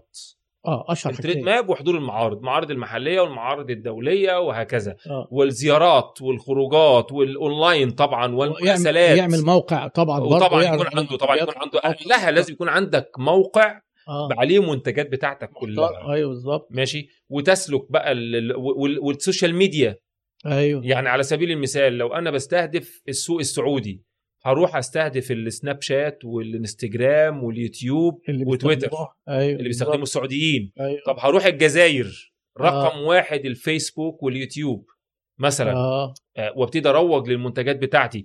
أجيب influencers هناك مؤثرين هناك وأخليهم يعملوا ترويج للمنتج بتاعي. أروح احضر المعارض في الجزائر. بدون ما تدور على تو... على وكيل يعني انت ممكن بقى كده وقتها تشتغل B2C لا ما ولا انت فندم بتش... لا ما أنا بشتغل ب... لح... بالتعاون مع تجار ما هو بيجيلي تجار. أيوة. لحد ما واحد يقول لي بقول لك إيه انت بتدي خمس ست تجار في الجزائر ممكن تقفل عليا؟ اخد حصري. عينيا بس بديل واتفاق. آه أنا الست تجار دول بياخدوا في السنة مني بنص مليون دولار. انت بتاخد ب ألف. تاخد بنص مليون؟ آه. هاخد بنص مليون. okay بس نص مليون ده بعد سنة هيبقى 600000 سنة أيوة. بعدين 700000 بتعلي له ال target كل سنة. عقد حصري. عقد. بالظبط كده. يبقى أنا حصري معاك آه، وتحترم. هذا الاتفاق. آه طبعا. وتحترم هذا تحترم. طيب آه، أحمد بسيوني بيقول سؤال. ويا جماعة لو إيه تبدأوا تحطوا أسئلتكم على. إيه برضه نبدأ ناخدها آه، واحد واحد. إيه أفضل وسيلة نعرف بيها التسهيلات عشان أعمل محطة فرز وتعبئة حاصلات زراعية أنا كمصدر قائم بالتصدير ده مصدر بقى وقائم بالتصدير عايز يعرف إيه آه، إيه التسهيلات عشان أعمل محطة فرز وتعبئة حاصلات زراعية طبعا هنا آه، آه، يعني سهل جدا حاجة من اتنين يا. إما أنا بروح لحد من أهل المهنة نفسها يقول لي مم. يعني أو إن أنا أروح وزارة الزراعة بقى وأسأل. الدراسه المحطات آه المحطات الزراعيه دي بتتعمل زي محطة اللي هي ال- المحطات الفرز دي بتتعمل زي لكن أنا بصراحة ما عنديش يعني خبرة آه، شخصية فيها الزراعية. خاصة فيها جدا مم. لأن أنا مش مجالي. لكن آه، لأ يعني سهل إن يسأل. رغم خبرة 20 سنة لا. في حاجات مش مجالك. مش خالص. يا فندم. خالص. أنا ما الناس اللي ما بقوش عارفين يقول لك إيه يدخل يقول لك إيه يا جماعة قولوا لنا إيه اللي بيتصدر في مصر كويس وليه سوق وايه ونصدره لفين؟ يعني شايف السؤال بقى البيز اللي هو ما عندوش فكرة خالص. وده مش هينفذ. مصر مش بتصدر هينفذ إيه يعني. وبتصدر فين؟ عشان نروح نصدره. مصر بتصدر آلاف المنتجات آه. لأكتر من 120 دولة على مستوى العالم. آه. بنسب مختلفة ما وخطط هو حجم صادرات بحاجة إحنا و40 بنصدر ب مليار. 45 أو 46 مليار دولار. آه. منها منتجات بترولية بترولية. غاز البترول بحوالي 20 مليار تقريبا النص تقريبا واه بالظبط وباقي حوالي 25 مليار منتجات بقى مصنعة مصرية طيب. بنصنع ما شاء الله بنص... مصر بتصنع وتصدر ما شاء الله أجهزة منزلية كاملة. ثلاجات غسالات كذا كذا ما شاء الله مم. يعني بنتكلم بحوالي 800 900 مليار جنيه اللي هو لما تيجي تضرب ال 25 مليار يعني آه في جي في 30 غير بترو... غير بترولية غير بترولية. 30 أرقام كبيرة برضو ده. ده رد يا دكتور برضو على اللي يقول إيه أنا آسف معلش والله يعني آسف والله آه. إنه يا باشا ده الدولار والدنيا خربانة بقول لك إيه ده أنت بتتكلم في إيه؟ ده ما فيش هو في صناعة أصلا هو إحنا بنصدر حاجة هو الكلام المحبط ده يا. فندم إحنا مح ما إحناش آه، ما إحناش الصين. ولا إحنا مثلا لا مؤاخذة برضو يعني إحنا قلنا الفرق آه، الصين فرق كبير جدا. ما قارنش نفسي ب... لا بس أنا بس, بس هم بدا هم بدأوا زينا أيوة. واصغر. أيوه بالظبط كده. بس أنا عايز أقول يا فندم البلد فيها صناعة. آه. بدليل إن إحنا مسجل 105 ألف مصنع مسجل. 105 ألف مصنع مسجل. آه يعني ما- كيانات مسجلة. كبير غير بقى اللي حضرتك قلته اللي هي اللي هو مش مسجل والورش والمصانع اللي هي آه، آه، قول كمان آه. عدد 150 200 ألف كمان. فأنت بتتكلم في أرقام كبيرة جدا. فعندنا صناعات كويسة. أبرز الصناعات إيه اللي مصر متميزة فيها؟ الصناعات الغذائية والصناعات الهندسية والصناعات آه. التعدينية والصناعات الكيماوية والصناعات والحاصلات الزراعية. هل تعلم حضرتك إن إحنا في الحاصلات الزراعية اللي هي الحاجات اللي هي المنتجات الطبية ومنتجات الأعشاب الطبية أيوة. هل تعلم إن مصر واخدة مراكز عالمية ترتيب في الترتيب في بعض المنتجات أنا أعرف آه. يعني مش زي الكراوية أو البردقوش إحنا واخدين رقم واحد في العالم مم. هل تعلم إن مصر أكبر منتج للزيتون المائدة على مستوى العالم ومصدر لزيتون آه. المائدة على مستوى العالم مش اليونان ولا أسبانيا لأ لا اليونان وأسبانيا في زيت الزيت. الزيتون. آه، في الزيت آه. لكن أنا حددت يا فندم الزيتون زيتون المائد. المائده اللي هو آه. المخلل والحاجات ديت يعني. آه. لا إحنا رقم هل تعلم إن إحنا أكبر أكبر منتج للتمر على مستوى العالم؟ آه. أكبر من أكتر من السعودية. أيوه أيوه فعلا. اللي هي بتاعت السعودية التمر. لا إحنا مصر رقم مصر واحد. رقم واحد صح. المجدول إحنا متميزين فيه جدا. مم. أنا فندم إحنا بنصدر صادرات تمر كبيرة جدا. المغرب كلها كده المغاربة بيحبوا التمر جدا. آه. لو بيتفرج علينا المغاربة بيحبوا آه. التمر جدا وعارفين التمر المصري كويس جدا أنا. كنت في كازابلانكا آه. ولا يعني ص- حاويات التمر بتطلع من مصر للمغرب بالمئات يعني. فاذا عندنا صناعات عندنا صناعات كتير آه، جدا. عندنا ما شاء الله منتجات غذائية ما شاء الله بتروح كل بلاد العالم الفراولة المجمدة البرتقال اللي اللي اللي ال- الصناع تصدير الأعشاب ده أنا أؤيده للشباب ده مجال. بكر. حلو. مم. إحنا عندنا بني سويف أكبر محافظة بتزرع منتجات وأعشاب طبية وبتصدر على مستوى مصر كلها. بني سويف. صعيد وأسيوط. والمنيا. فيا دكتور والله العظيم بلدنا فيها خير لا يعلمه إلا الله عز وجل. وبقى وأنا بزعل يا دكتور وأرفض تماما الكلام لا مؤاخذة سوري المحبط. ما حدش قال إن ما فيش مصر ما فيهاش أزمة. في أزمة. أيوه. بس وكل البلاد العالم فيها أزمات. أيوه. كل بلاد العالم. لامسين وبعدين حضرتك ما تقعدش إيه أنا آسف اللي هو تاخد وش الكلام ما فيش ما فيش بايظة بايظة مش بايظة. ما لو بايظة دي خلاص روح انتحر بقى. أنا آسف يا دكتور أروح انتحر يعني. لكن يا دكتور أنا ما انتحرتش. دكتور أنا عملت إيه؟ دكتور أنا ببحث عن الفرص. آه. وأنا أكاد والله العظيم مصر فيها كم فرص. أنا اللي مقعدني حتى الآن من ساعة رمضان وأنا ما رجعش الصين. أحد أيوة. الأسباب يا دكتور والله إن أنا عندي مشاريع هنا بصراحة وقاعد مع أولادي ومراتي وعندي بيزنس في مصر حلو وعندي فرص في مصر حلوة صح. أنا آسف والله البعض ممكن يسخر. من هذا الكلام لا لا على فكرة الكلام أو ده يو- الكلام ده ال- ال- الأخ هيثم بيقولوا لي بيني وبينه مش مش عشان ال live نعم يعني ما مش صحيح. ما, ما تعتبروش تطبيل ولا حاجة ده من القلب وأنا وأنا عارف إن هو مفتوح قدامه الله يكرمك فندم الفرص بس.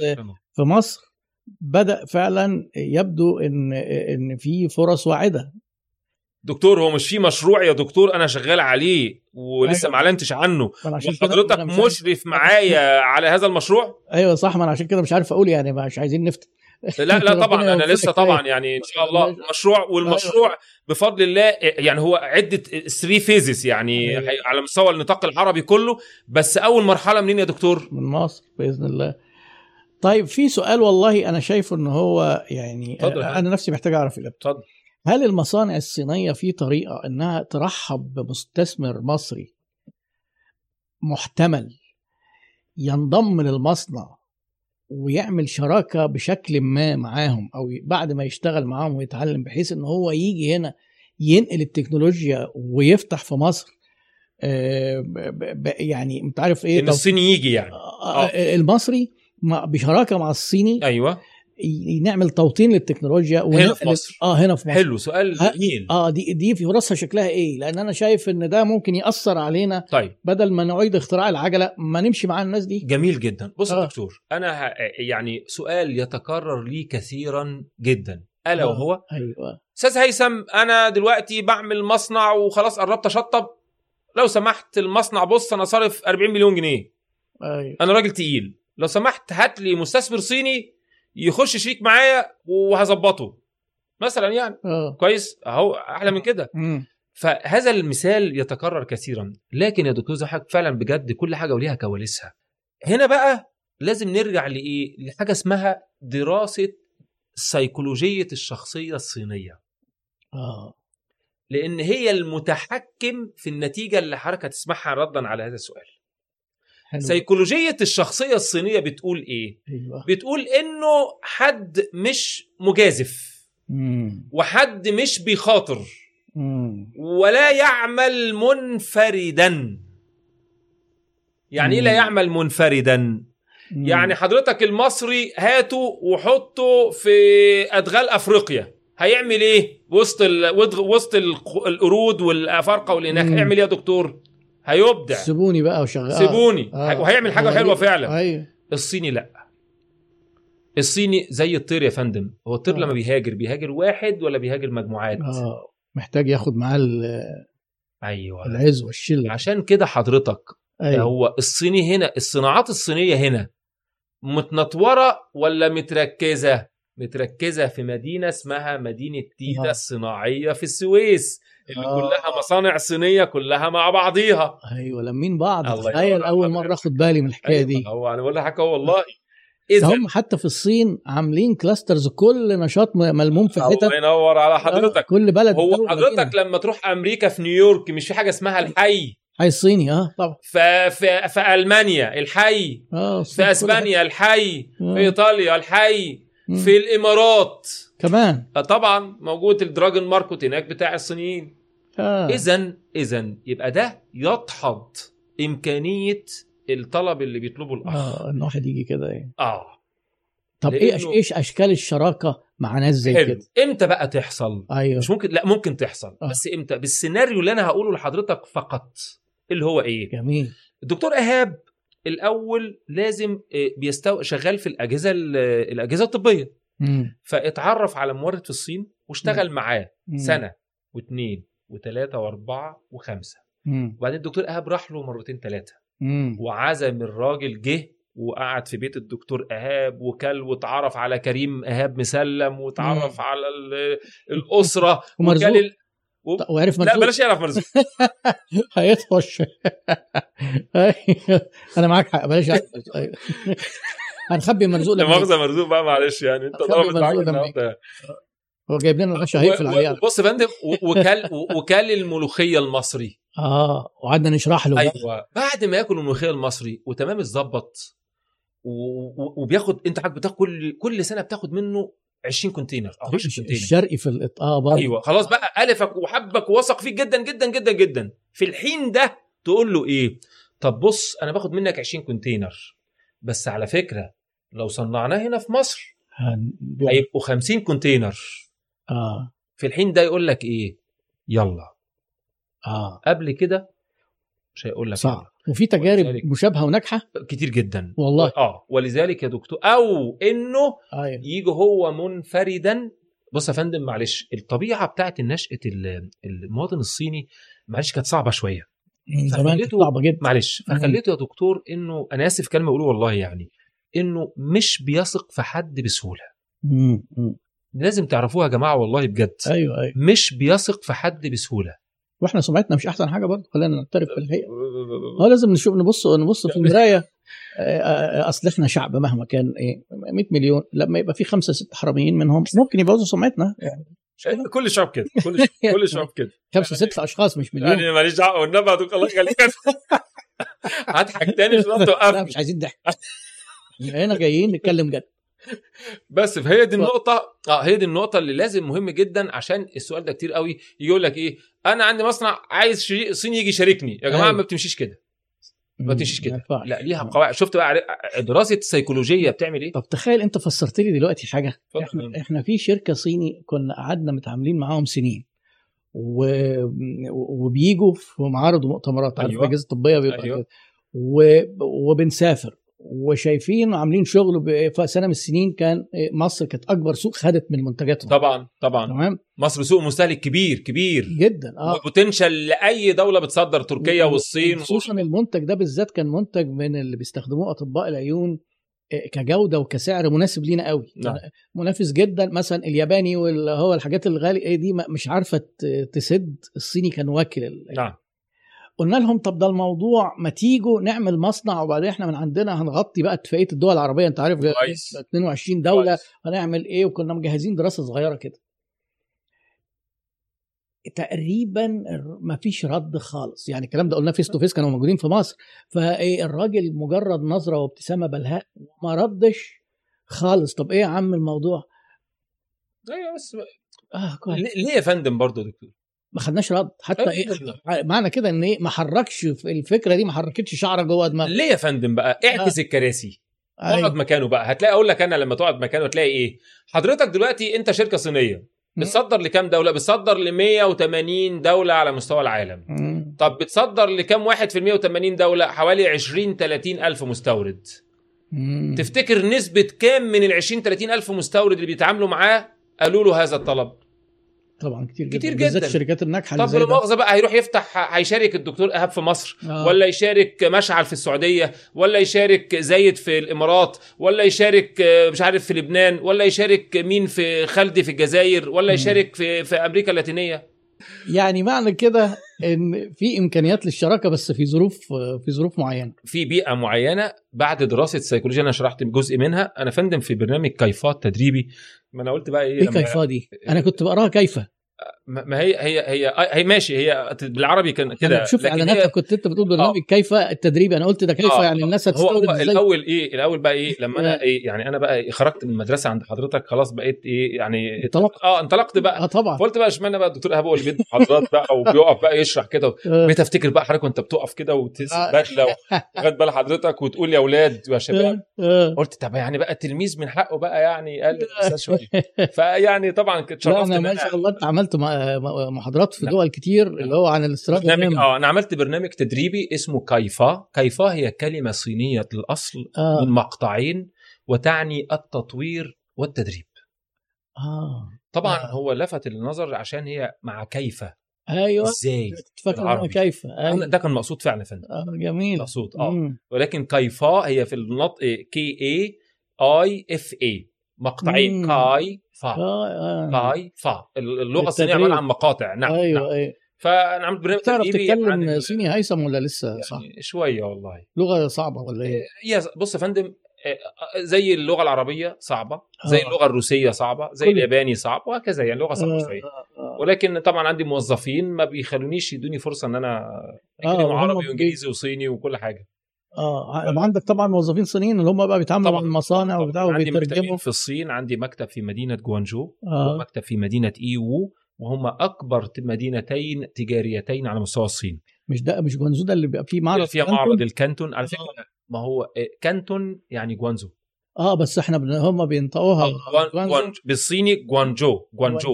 آه. باللغة الإنجليزية اسمها كانتون. آه زي القاهرة اسمها بالإنجليزي. كايرو. آه. جوانزو اسمها بالإنجليزي. كانت كانتون. يا. فمعرض آه، ال Canton Fair يعني أيوة. معرض جوانزو الدولي. التعليم العالي بيفرق برضه جوان بالصيني بقى جوانجو خوي. خوي؟ آه هي إيه؟ جوانجو خوي. معرض؟ آه نعم نعم جوانجو خوي. آه. لا برضه يعني أهو كده يعني. آه لا جميل والله. فأنا عملت برنامج تدريبي ده في أكتر من خمس دول. الحمد لله عملته في مصر في القاهرة واسكندرية وطنطا والمنصورة وعملته في المغرب كازابلانكا عملته في السعودية جدة والرياض والدمام عملته في الإمارات في دبي عملته في الصين في عن جوانزو. عن عن عن الاستيراد؟ الطرق الآمنة والصحيحة للتجارة الدولية. مع الصين التجارة آه، مع الصين. التجارة مع الصين. والصين بشكل عام. كنموذج آه طبعا. الصين تجربة قوية. أيوه. علمتني بقى إن أنا أقدر أنصح أي حد يحب يستورد من أي حتة في العالم إيه آه. الطرق الصحيحة للاستيراد؟ لأن مع أنا أنا درست واشتغلت مع أكبر تجربة. أيوه. يعني هي تجربة أكبر بلد. صح. فما دون ذلك أي بلد في العالم تاني أسهل. آه، سهل طبعا وإجراءاته أسهل والطرق بتاعته أسهل مم. وهكذا. سواء استيراد وتصدير لأن أنا برضو صدرت للصين. مم. فبقيت برضو إن أنا أصدر من مصر لبلاد تانية آه، برضو أسهل. طب سوق أفريقيا بالنسبة لنا كمصر إيه رأيك فيه؟ جنة الجنات والله بين قوسين مع الحذر آه إزاي بقى؟ جنة الجنات مع الحذر أيوة. يعني إيه جنة الجنات مع الحذر أيوة. طبعا آه، يعني مصر أنا دايما ليا جملة يا دكتور والله مم. مصر أولى بأفريقيا من الصين نفسها مع احترامنا لدولة الصين طبعا ودر وفضلها علي بعد الله عز وجل أقرب نحن أولى. نحن أولى بأفريقيا من الصين ومن الهند اللي هم ما شاء الله يعني وأوروبا اللي هي مستعمرة أفريقيا. مم. إحنا اولا الأفارقة بيحبوا المصريين وبيحبوا المنتجات المصرية. مم. وأنا أرى الآن ملامح. سبحان الله النهارده يا دكتور في المكتب قبل أجي سعادتك كان عندي مجموعة يعني آه، مصدرين مصريين ما شاء الله كانوا جايين عشان عايزين ياخدوا حاجات من الصين لأفريقيا. آه. فهم خارجين فمدير القسم اللي عندي محمد بيقول لي أستاذ هيثم ده سابع عميل في يومين يقول جاي عشان عايز ياخد حاجات من الصين لأفريقيا. آه. سابع عميل في يومين بيكلمني. آه. فأرى الآن وأنا بقول ده على الهوا مع حضرتك فعلا المصريين دلوقتي ما شاء الله يعني الفكر نضج بقوة وخدوا بالهم من أهمية أفريقيا. وأنا بقول أهو على الهواء في البث المباشر آه، في حضرة الأستاذ الدكتور إيهاب مسلم. يا شباب يا شباب الباحثين عن فرص استثمارية فكروا وادرسوا وتعلموا ويعملوا فوكس على التصدير من مصر ومن الدول العربية إلى إفريقيا.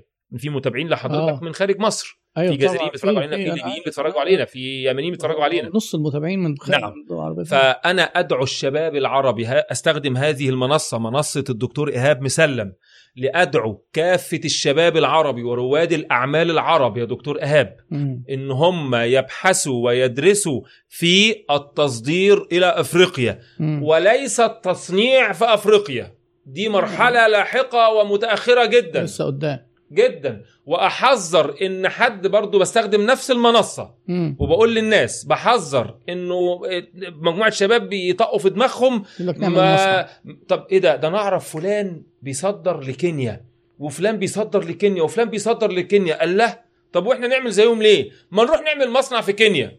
كان غيرك اشطر. لا. هناك فارق كبير بين ان إنك تصدر لكينيا وبين إنك تعمل مصنع في كينيا. آخر حاجة تفكر فيها إن تعمل مصنع في كينيا. لكن أول حاجة تفكر فيها إن أنت تصدر تصدر. لكينيا وفي فرصة للمنتجات المصرية مش لازم نجيب. من الصين. بص يا فندم أنا لسه مكلمني مصريين بيصدروا للجابون. آه. الجابون أنا آه، عمري ما. يعني أنا ما أعرفش غير اسمها حتى ما أعرفش موقعها فين الخريطة. لكن والله كان عندي مصريين طالبين منتجات من الصين ومن مصر للجابون. مم. في ما شاء الله شركة تصدير مصرية مشهورة بدون ذكر اسم ما شاء الله في موريتانيا عاملة شغل زي الفل. أنا كنت لسه اتشرفت في مقابلة بدعوة من سفير دولة موريتانيا كنت في السفاره الموريتانيه من كام يوم يعني بدعوة من السفير وكان معايا مستثمر مصري يعني وكده خدت بال حضرتك والراجل يعني رحب بيقول إحنا بنحبكم إحنا بنموت فيكم مم. وليا أصدقاء موريتانيين قالوا إحنا. لما بيكون محل صاحبه مصري الستات يحبوا يروحوا عليه والرجاله يحبوا يروحوا يشتروا من هناك مم. لا يا دكتور والله ممتاز. يا جماعة والله يا دكتور ايهاب بستغل منصة يا ريت مرزوق. حتى ياخد المقطع كده والله ويظبطه أنا أدعو رواد الأعمال المصريين والعرب. والباحثين عن فرص استثمارية وتصديرية بدراسة وتعلم والبحث عن فرص التصدير لأفريقيا بنصدر إلى أفريقيا يا دكتور مم. رقم واحد مواد غذائية آه رقم واحد مم. اولا إنها نيدد جدا هناك. عليها ديماند عالي جدا مم. رقم اتنين إن تصنيعها في مصر ملوش علاقة بالتعقيدات الدولارية مم. ليه؟ الخامات بتاعتها الله ينور على سعادتك. لأنه المنتجات الصناعات الصنا... أحد أهم الصناعات في مصر اللي ملهاش علاقة بأزمة الدولار واستيراد المواد الخام من الصناعات الغذائيه لأن في صناعات غذائية آه، 100% كلها خام مصري ما بتحتاجش حاجة.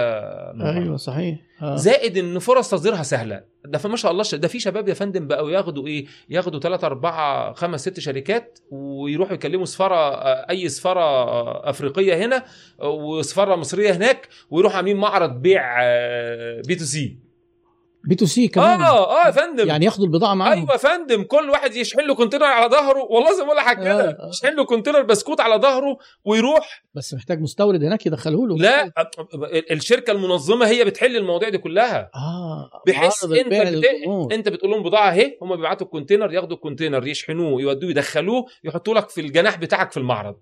ومسموح والمعرض- مسموح إنك تبيع. آه، بيع ما آه،. معارض بيع مباشر. آه. معظم المعارض في أفريقيا برضو للمناسبة المعارض في أفريقيا آه، آه، آه، عامة أكثر منها متخصصة. آه. وبيع مباشر أكثر منها B to B. آه أيوه أيوه أيوه. ف... كويس جدا. آه، والله العظيم زي معرض القاهرة الدولي عشان الناس تبقى عارفه أيوه يا فندم ياخد ال- ياخد. ال container على كتفه ويروح ياخد الجناح في المعرض يبيع container اثنين آه. ثلاثة هوب هوب. وفي نفس الوقت برضه ما هو بيتعرف على B to C B to B. طبعا هتلاقي حد يقول له أنا طبعا. آه، مع الغرف التجارية و و و. فأنا أدعو كافة رواد الأعمال. البحث عن مصر ليها فرص كبيرة جدا وإحنا أولى بأفريقيا من أي حد تاني مهما كان بدون ذكر أسماء. والحكومة بتدعم هذا والله يعني للأمانة والله. الحكومة أيوة. بتدعم. آه، أنا آه، ال- ال- هدي مثال برضو معلومة بمناسبة صحيح الناس اللي بتصدر في أداة مساعدة قوية جدا جدا في التصدير ألا وهي مكاتب التمثيل التجاري المصرية في الخارج. السفارات المصرية برضه أيوه أيوه صحيح وأنا أشهد والله أنا مم. أشهد والله مم. إنه مكاتب اللي في- في طبعا ليهم في مبنى خمسة في وزارة المالية في العباسية مم. يروح مش فاكر بقى الدور الكامل 11 ولا إيه مكاتب التمثيل التجاري مم. يروح هيلاقي حد اسمه الأستاذ خالد حد اسمه الأستاذ أحمد الكردي نماذج مصرية مشرفة والله دي العظيم. حاجات ما نعرفهاش. أنا أنا دي أعلم حاجات ناس كتير ما يعرفهاش. أنا بقول لحضرتك أهو مرة شركة تصدير. وهم هيوصلوه بقى بمكاتب آه يا فندم.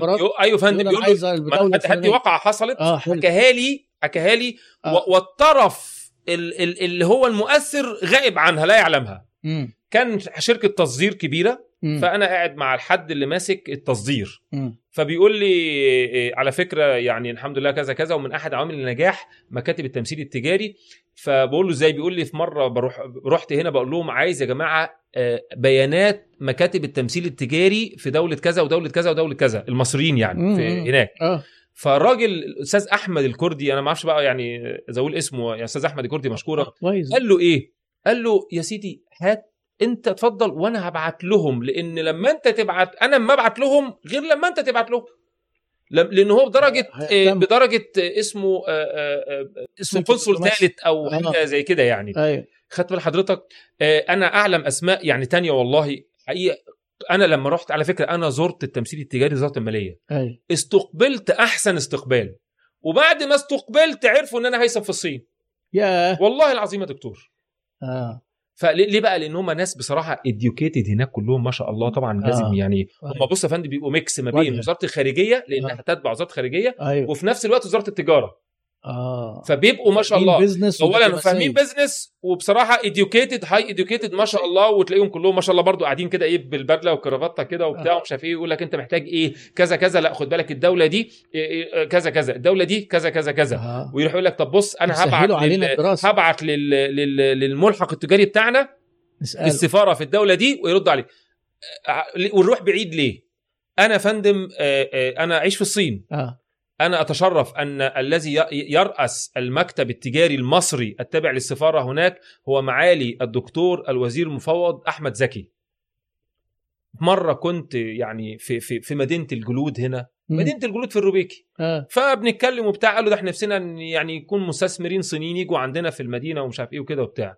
رحت رافع التليفون والله أنا قاعد. رحت متصل بمعالي الوزير المفوض أحمد بيه زكي. السلام عليكم. قال لي عليكم السلام. مع الوزير المفوض أنا موجود في كذا كذا أهلا وسهلا بيكم.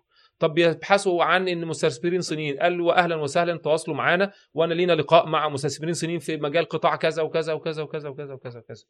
يا جماعة والله في خير. فيبداوا هم ينسقوا يسهلوا له. الجانب المصري والجانب الصيني. طبعا يا فندم. المستثمرين دول ودول يقعدوا مع بعض طب أنا بتحدى مش بتحدى آه. مش, مش عايزينها بالدرجة دي. أنت كده جرب أنت شركة تصدير أو مصنع مصري. آه. ومثلا نتكلم على دولة مثلا زي كينيا أوغندا تنزانيا. وهات بيانات الملحق التجاري هناك المصري وكلمه. آه. قول له أنا جاي عشان أقابل. لا قول له أنا جاي مش عشان أقابل. قول له أنا جاي عايز أقابل حد في مجال مستوردين في بالبلد اللي عندك. كويس. أيوه. هيقول له طب أهلا وسهلا نتصل بالغرفه التجاريه ونجيب لك بيانات وتفضل وننسق لك ونعمل لك. في والله خير كبير يا دكتور. بس الناس ما تعرفوش آه الناس ما تعرفش. ما هي ما هو للأسف برضه التسويق في- في حاجات كتير محتاجة تسويق والحكومة ضعيفة شوية في الحكاية فتلاقي في هياكل ومؤسسات. أنا أؤمن يا دكتور إن الحكومة لا نعول على الحكومة في كل شيء. إحنا بنحاول اهو ننشر القطاع الخاص يا فندم آه ما هو قطاع ده الخاص.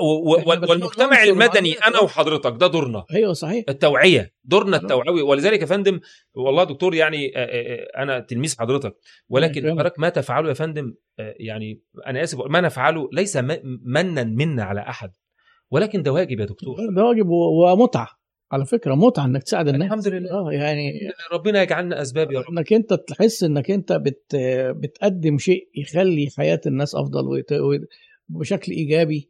هو ده اللي إحنا بنقدر نعمله. بس مع أنا قلت للناس تروح أفريقيا بس فاكر قلت إيه؟ بين قوسين مع الحذر. آه الحذر آه. آه عايز بقى دي اوضحها بقى يا دكتور. آه وضح مع الحذر في إيه؟ أيوة. مع الحذر إن أوعى واحد يقول لك تعالى شاركني في مصنع في تنزانيا أوغندا كينيا بوروندي مش عارف إيه وتروح. لا. اولا عشان تصنع في بلد أفريقي لازم تقعد على الأقل سنة هناك الأول. مم. يقعد سنة يعيش ياخد مراته وعياله كده ويعيش سنة ويصرف من جيبه. وفي السنة دي ممكن يستورد حاوية اتنين تلاتة عشان يجيب مصاريفه. بس أهم حاجة إيه يا دكتور؟ يدرس البلد. يدرس السوق آه، ويحتك بالناس. لأن هتقابل. معلش أنا آسف يعني ما هي أفريقيا لو سهلة كان زمانها أوروبا آه لا لا لكن هي مش أوروبا. بيروقراطية يبقى اذا. هتلاقي بيروقراطية هتلاقي corruption هتلاقي آه، آه، فساد. أمان في مشكلة في ال safety آه ماشي وفي مشاكل في ال safety في دول كتير ولازم تعمل حماية. وتدفع فلوس وما أعرفش إيه. أحد المشاكل في مرة طبعا أنا كل الحاجات دي بتتجمع عندي يا دكتور طبعا. من خلال التواصل وال social media. مم. أحد المصريين مثلا كان فتح مصنع وقفل وخسر كل حاجة. ليه؟ آه. في احد إحدى البلاد في أفريقيا. أيوه لأنه ما كانش عارف يدير العمالة الأفريقية. آه. شفت؟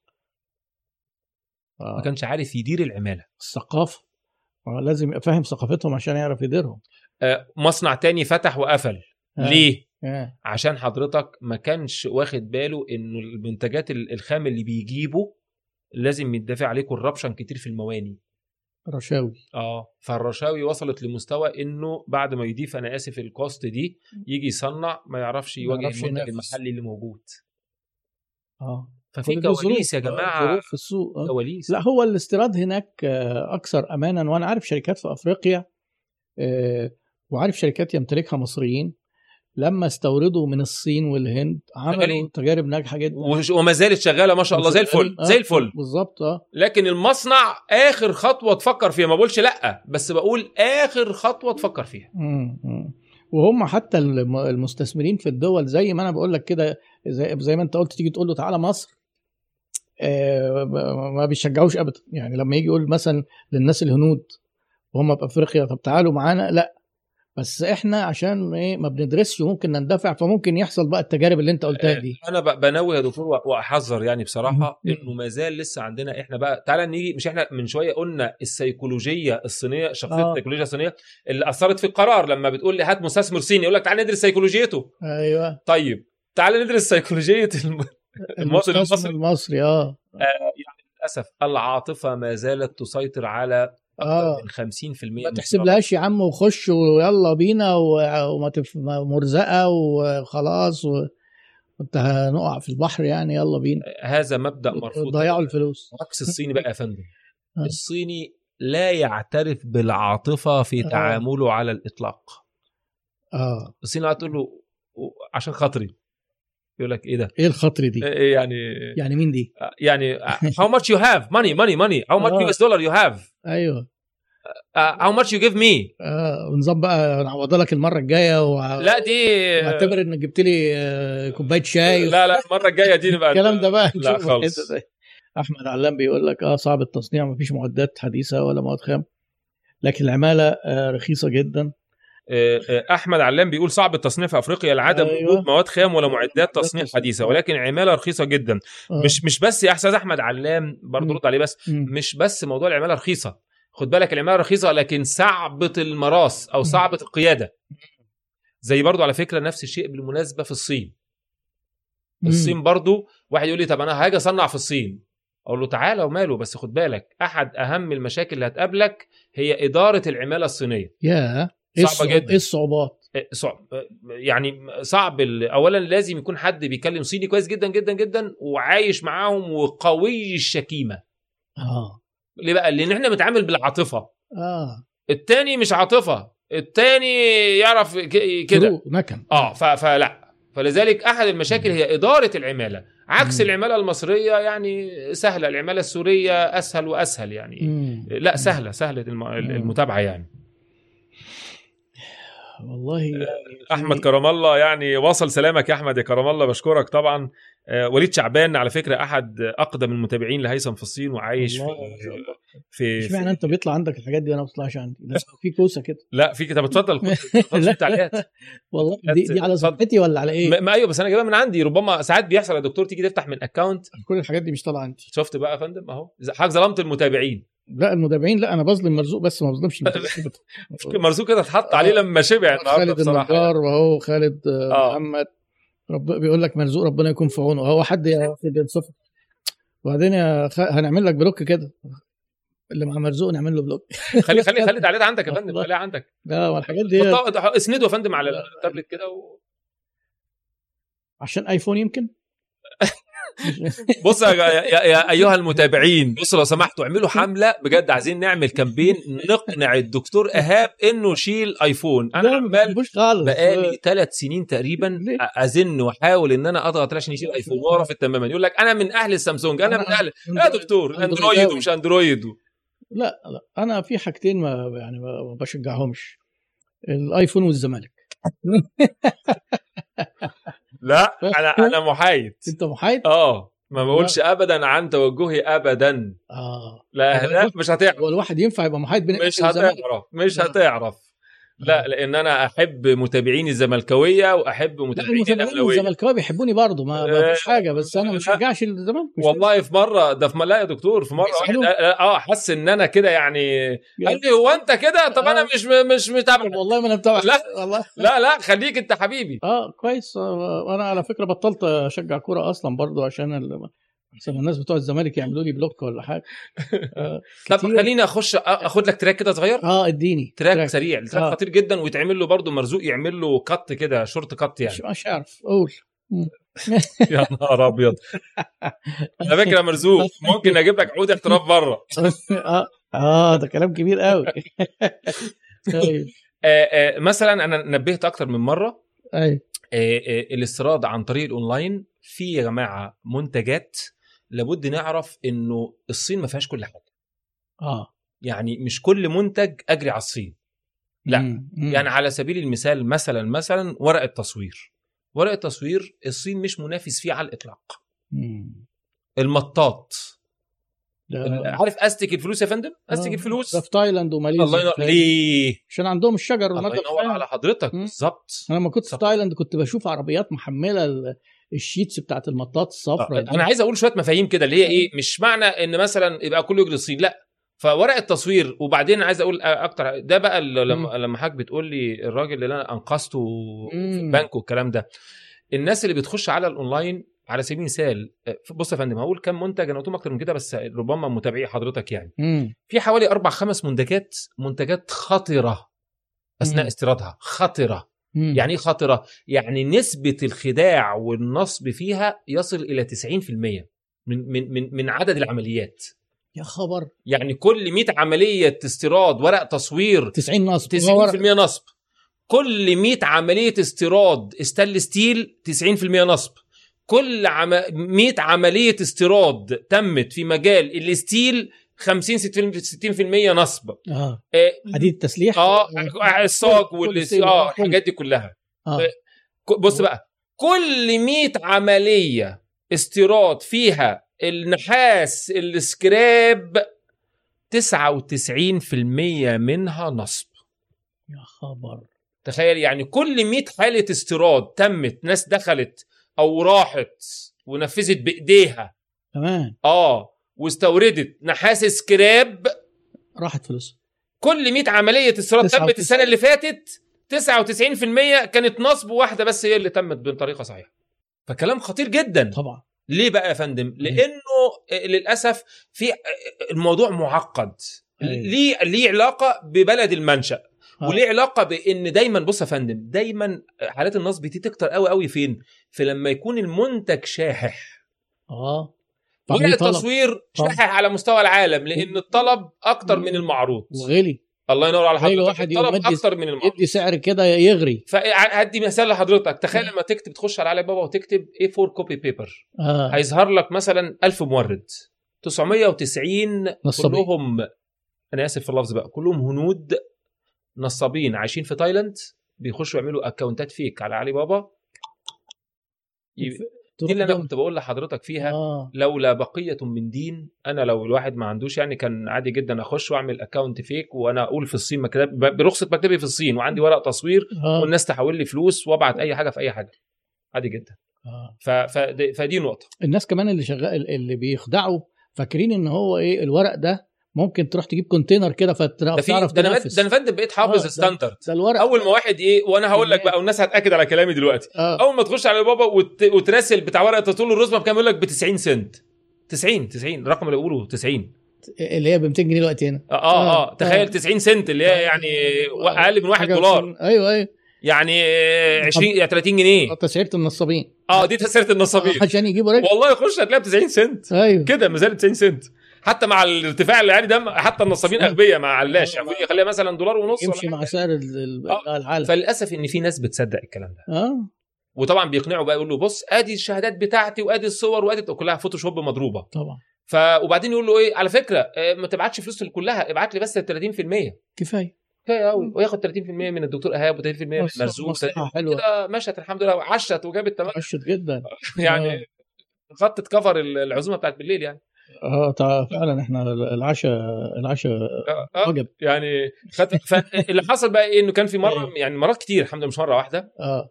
إن في مستورد مصري في الإمارات. فكان ده واقعة يعني حصلت من بقى عدة أشهر يعني.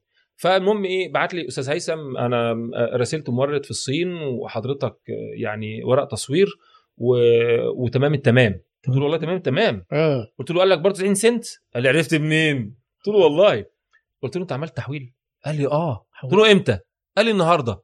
قلت له ارجع البنك وفي تحويل. مش هقعد أحكي له لسه بقى. آه أيوه ال- التحويل ده نصابين. اجري الأول. آه. والله هذا حدث بالظبط كانت الساعة 3 بتوقيت الإمارات. آه يعني البنوك قفلت. آه قال لي البنوك قفلت. آه. قلت له هم قفلوا باب الز- ال- ال- ال- ال- الكاستمرز أو آه. آه. لكن هم شغالين جوه. قلت له اكسر باب البنك. كان ساعتها حوالي 40000 دولار. أوه آه. والله يا دكتور. قلت له اكسر باب البنك وخش اوقف التحويل دلوقتي. التحويل لسه ما خرجش. لو رحت بكرة خلاص الفلوس خرجت وراحت. عليك. انتهت. وراحت ومش راجعه هو طبعا الحمد لله ثقة فيا. ما سألنيش حتى قول لي التفاصيل. آه. قال لي طب أروح ألحق. وراح الحمد لله وخبط و و مش عارف إيه دخل وقف التحويل فعلا وجالي بقى بعديها حكيت له بقى. قلت له يا آه. حبيبي في في رزمة ب 90 سنت الله يهدي لك حالك. حبيبي السعر الحقيقي دلوقتي 3 دولار للرزمة. 3 ده أقل حاجة. ده ex مم. work هناك. مم. ex work 3 دولار. ولسه شحن وجمارك آه وغير الشحن وجمارك. و و و. وده اسمه هند و... طيب أقول له مثلا بتلاقي إيه؟ كميات كبيرة جدا عشان تعرف آه تجيب طبعا. عايز أقول بقى أعقب على حاجة مهمة جدا بقى. آه. هنا العلم أهو بقى. طيب عايز تختبر أنا هديك أهو حاجة test ببلاش آه. يعني من غير فلوس. ده آه. بمناسبة تسالي على الله بتاع دكتور إيهاب يعني. آه ربنا أعمل test حلو قوي. آه. test جميل جدا. عايز أعرف المورد ده آه، نصاب ولا لأ؟ أي في أي بلد في العالم. حلو. هعمل test صغير. رقم واحد هقول له بعت لي proforma invoice. فأول نصب هتلاقيه عامل لك ال term التعاقد CIF إحنا آه. عندنا ثلاث أنواع التعاقد يا أيوة. دكتور. أيوة. ex work FOB CIF صح؟ آه. دول أشهر ثلاثة طيب. آه. يبقى رقم واحد عشان عملية النصب تتم بطريقة كويسة آه. لازم التعاقد يكون CIF. عشان ما تروحش تدور على شحن أنت. أو لا مش عشان كده. آه. أو أو FOB. آه. أو FOB. بس الغالب الأول بيبعت أول ما تلاقي المورد بعت لك الفاتورة CIF يبقى أنت كده إيه تحط تحتيه قلمين حمر. طب معلش. أكمل لك لسه. في CIF حقيقي. آه، ماشي. آه. أنا بقول تحط قلمين حمر أنا آه، ما قلتش تشك نصاب تشك كده. أيوة. حط بقى حط حتة الشك هنا. آه. طيب أعمل له test إزاي؟ أقول له إيه؟ أول ما يبعت لي CIF أقول له والله أنا ما بحبش نوع التعاقد ده. أنا بشتغل FOB. ex work لا. ex works آه. ال FOB على باب برضه المصنع بتاع ال- آه، بتاع- ال FOB يا فندم يمكن المورد إذا في هناك عقد العزم على النصب. التعاقد ال FOB يمكنه آه. من إتمام عملية النصب. ال ex work هتخلي شركة الشحن تروح له مكانه تحمل. الله آه تخيل. صح. والله. ده ذكية جدا الفكرة دي. تلميذك يا فندم بقى. لا والله أنا بقى أنا بستورد. بقى لي أكتر من 20 سنة بس ما خطرش على بالي ال- تلميذ الدكتور. إيهاب لازم لا. يبقى شاطر. الحمد لله. ربنا يكرمك فاذا اذا يبقى رقم واحد. بس بقى نفسرها للناس برضه. طيب يبقى اذا بص يا فندم إيه- إحنا عندنا أنا هقول قاعدة أهي. آه. القاعدة يا فندم بقى إيه إيه، أشهر أنواع ثلاث تعاقد طبعا لا يجوز. أنا بقولها شرعا. مم. لا يجوز. شوف أنا أنا مش مشرع ولا يعني ديني. آه. لا يجوز شرعا إن واحد يعمل في التجارة الخارجية وما يكونش عارف أنواع التعاقدات التجارية ال ex work وال FOB و CIF بالظبط. بتقسم في حق نفسك. تاخد وزر. ليه؟ لأن في حاجة اسمها ما لا يسع المسلم جهله. أيوه ولا تلقوا بأيديكم إلى التهلكه هي دي كده الله ينور على سعادتك يا فندم. رايح يضيع فلوس. بالظبط كده. آه. يبقى لازم تكون عارف الفرق الفروق بينهم. طيب تعالوا نقول الفروق. ال ex work معناها إن أنا بشتري القلم ده من العاشر من رمضان من المصنع بتاع القلم نفسه. آه. أنا كمستورد من, المصنع. إيطاليا. آه. ماشي هعمل إيه بقى؟ هروح رايح لشركة شحن زي بتاعت هيثم. هقول له إيه هيثم أنا في إيطاليا أنا إيطالي وتعاقدت مع مصنع في العاشر من رمضان هاخد منه أقلام وعملت التعاقد ex work.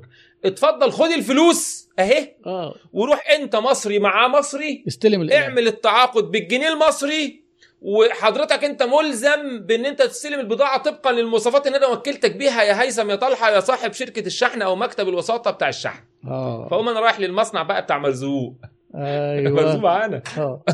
أيوه كويس. مرزوق اتحط عليه. وتاخد معاك ال box. ف... فاقول لمرزوق إيه؟ أستاذ مرزوق حضرتك بتصنع أقلام؟ آه.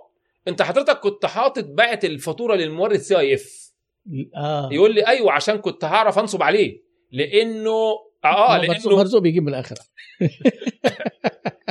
ليه يا فندم بقى؟ لأنه لما يكون سي... بص يا فندم بقى بص أيوة. هنا الحلقة ناخد الحلقة واقعية دلوقتي. أيوه.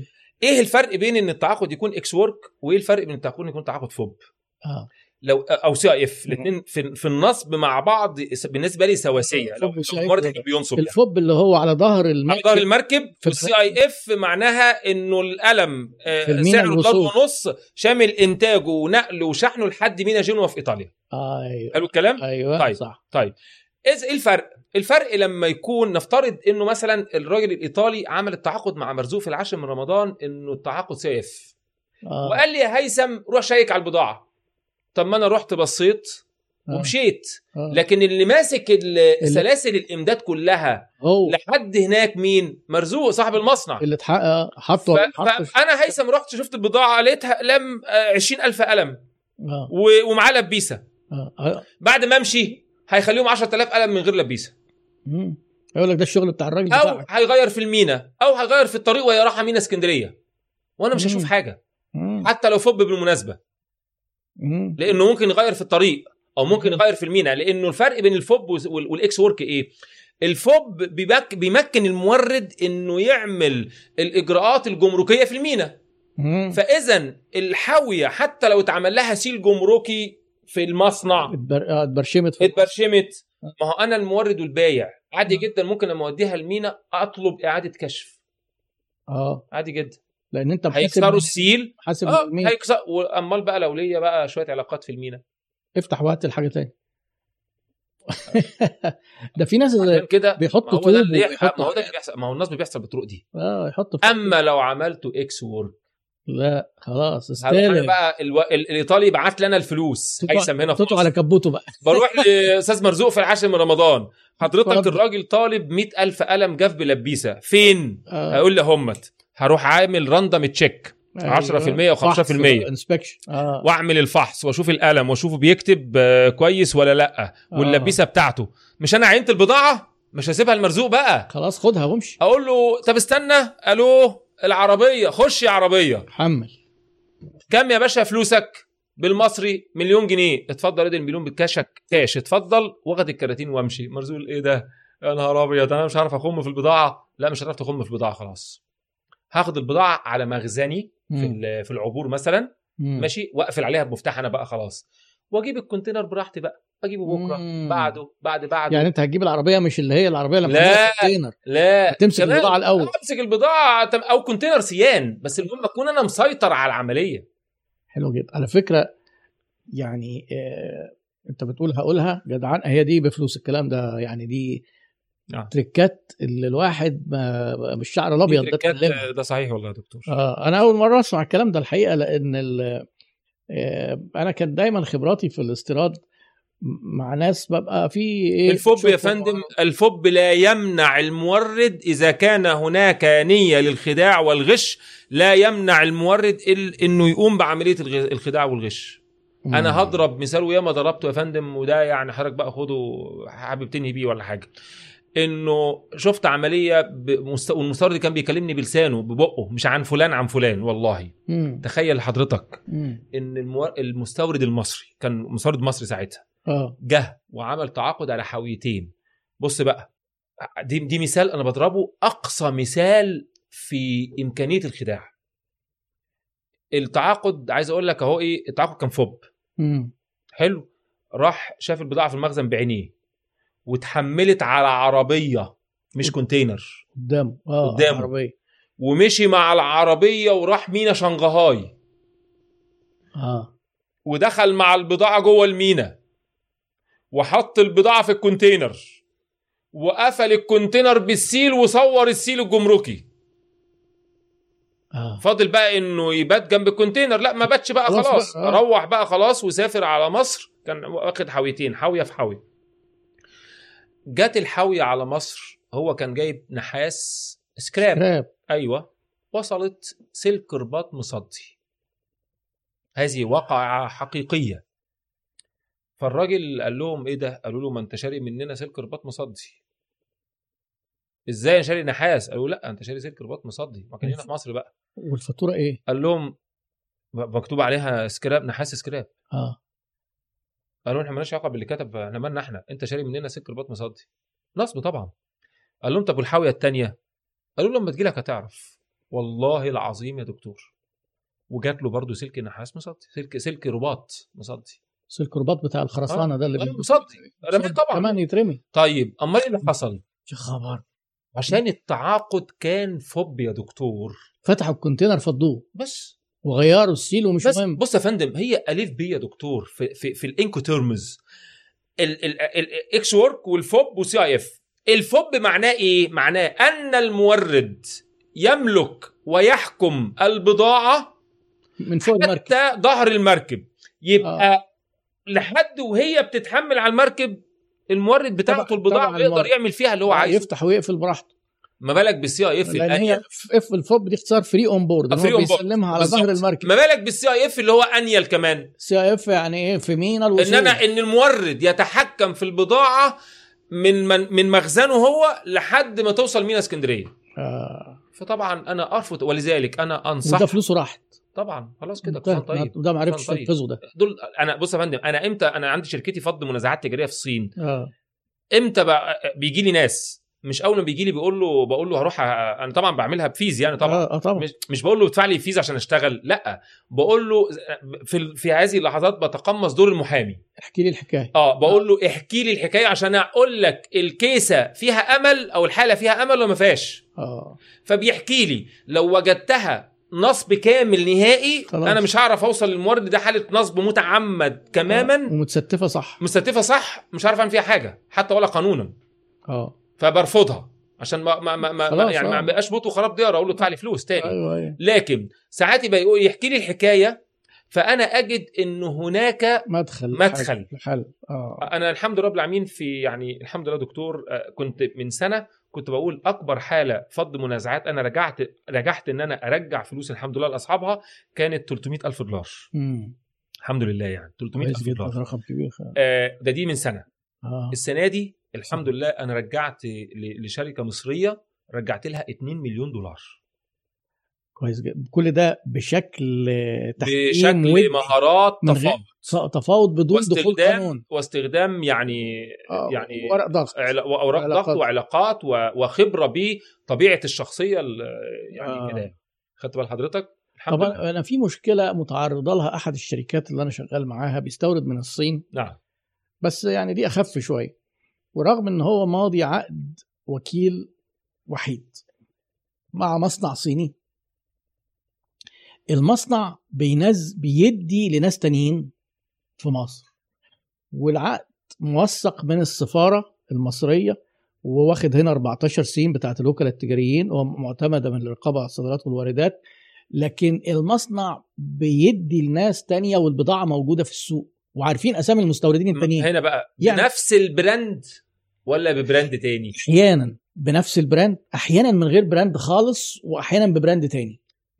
بص يا فندم بقى يعمل إيه هنا؟ آه. بص يا فندم اولا آه، آه، لو هو واخد brand مثلا اولا لازم يكون هو مسجل العلامة التجارية هنا.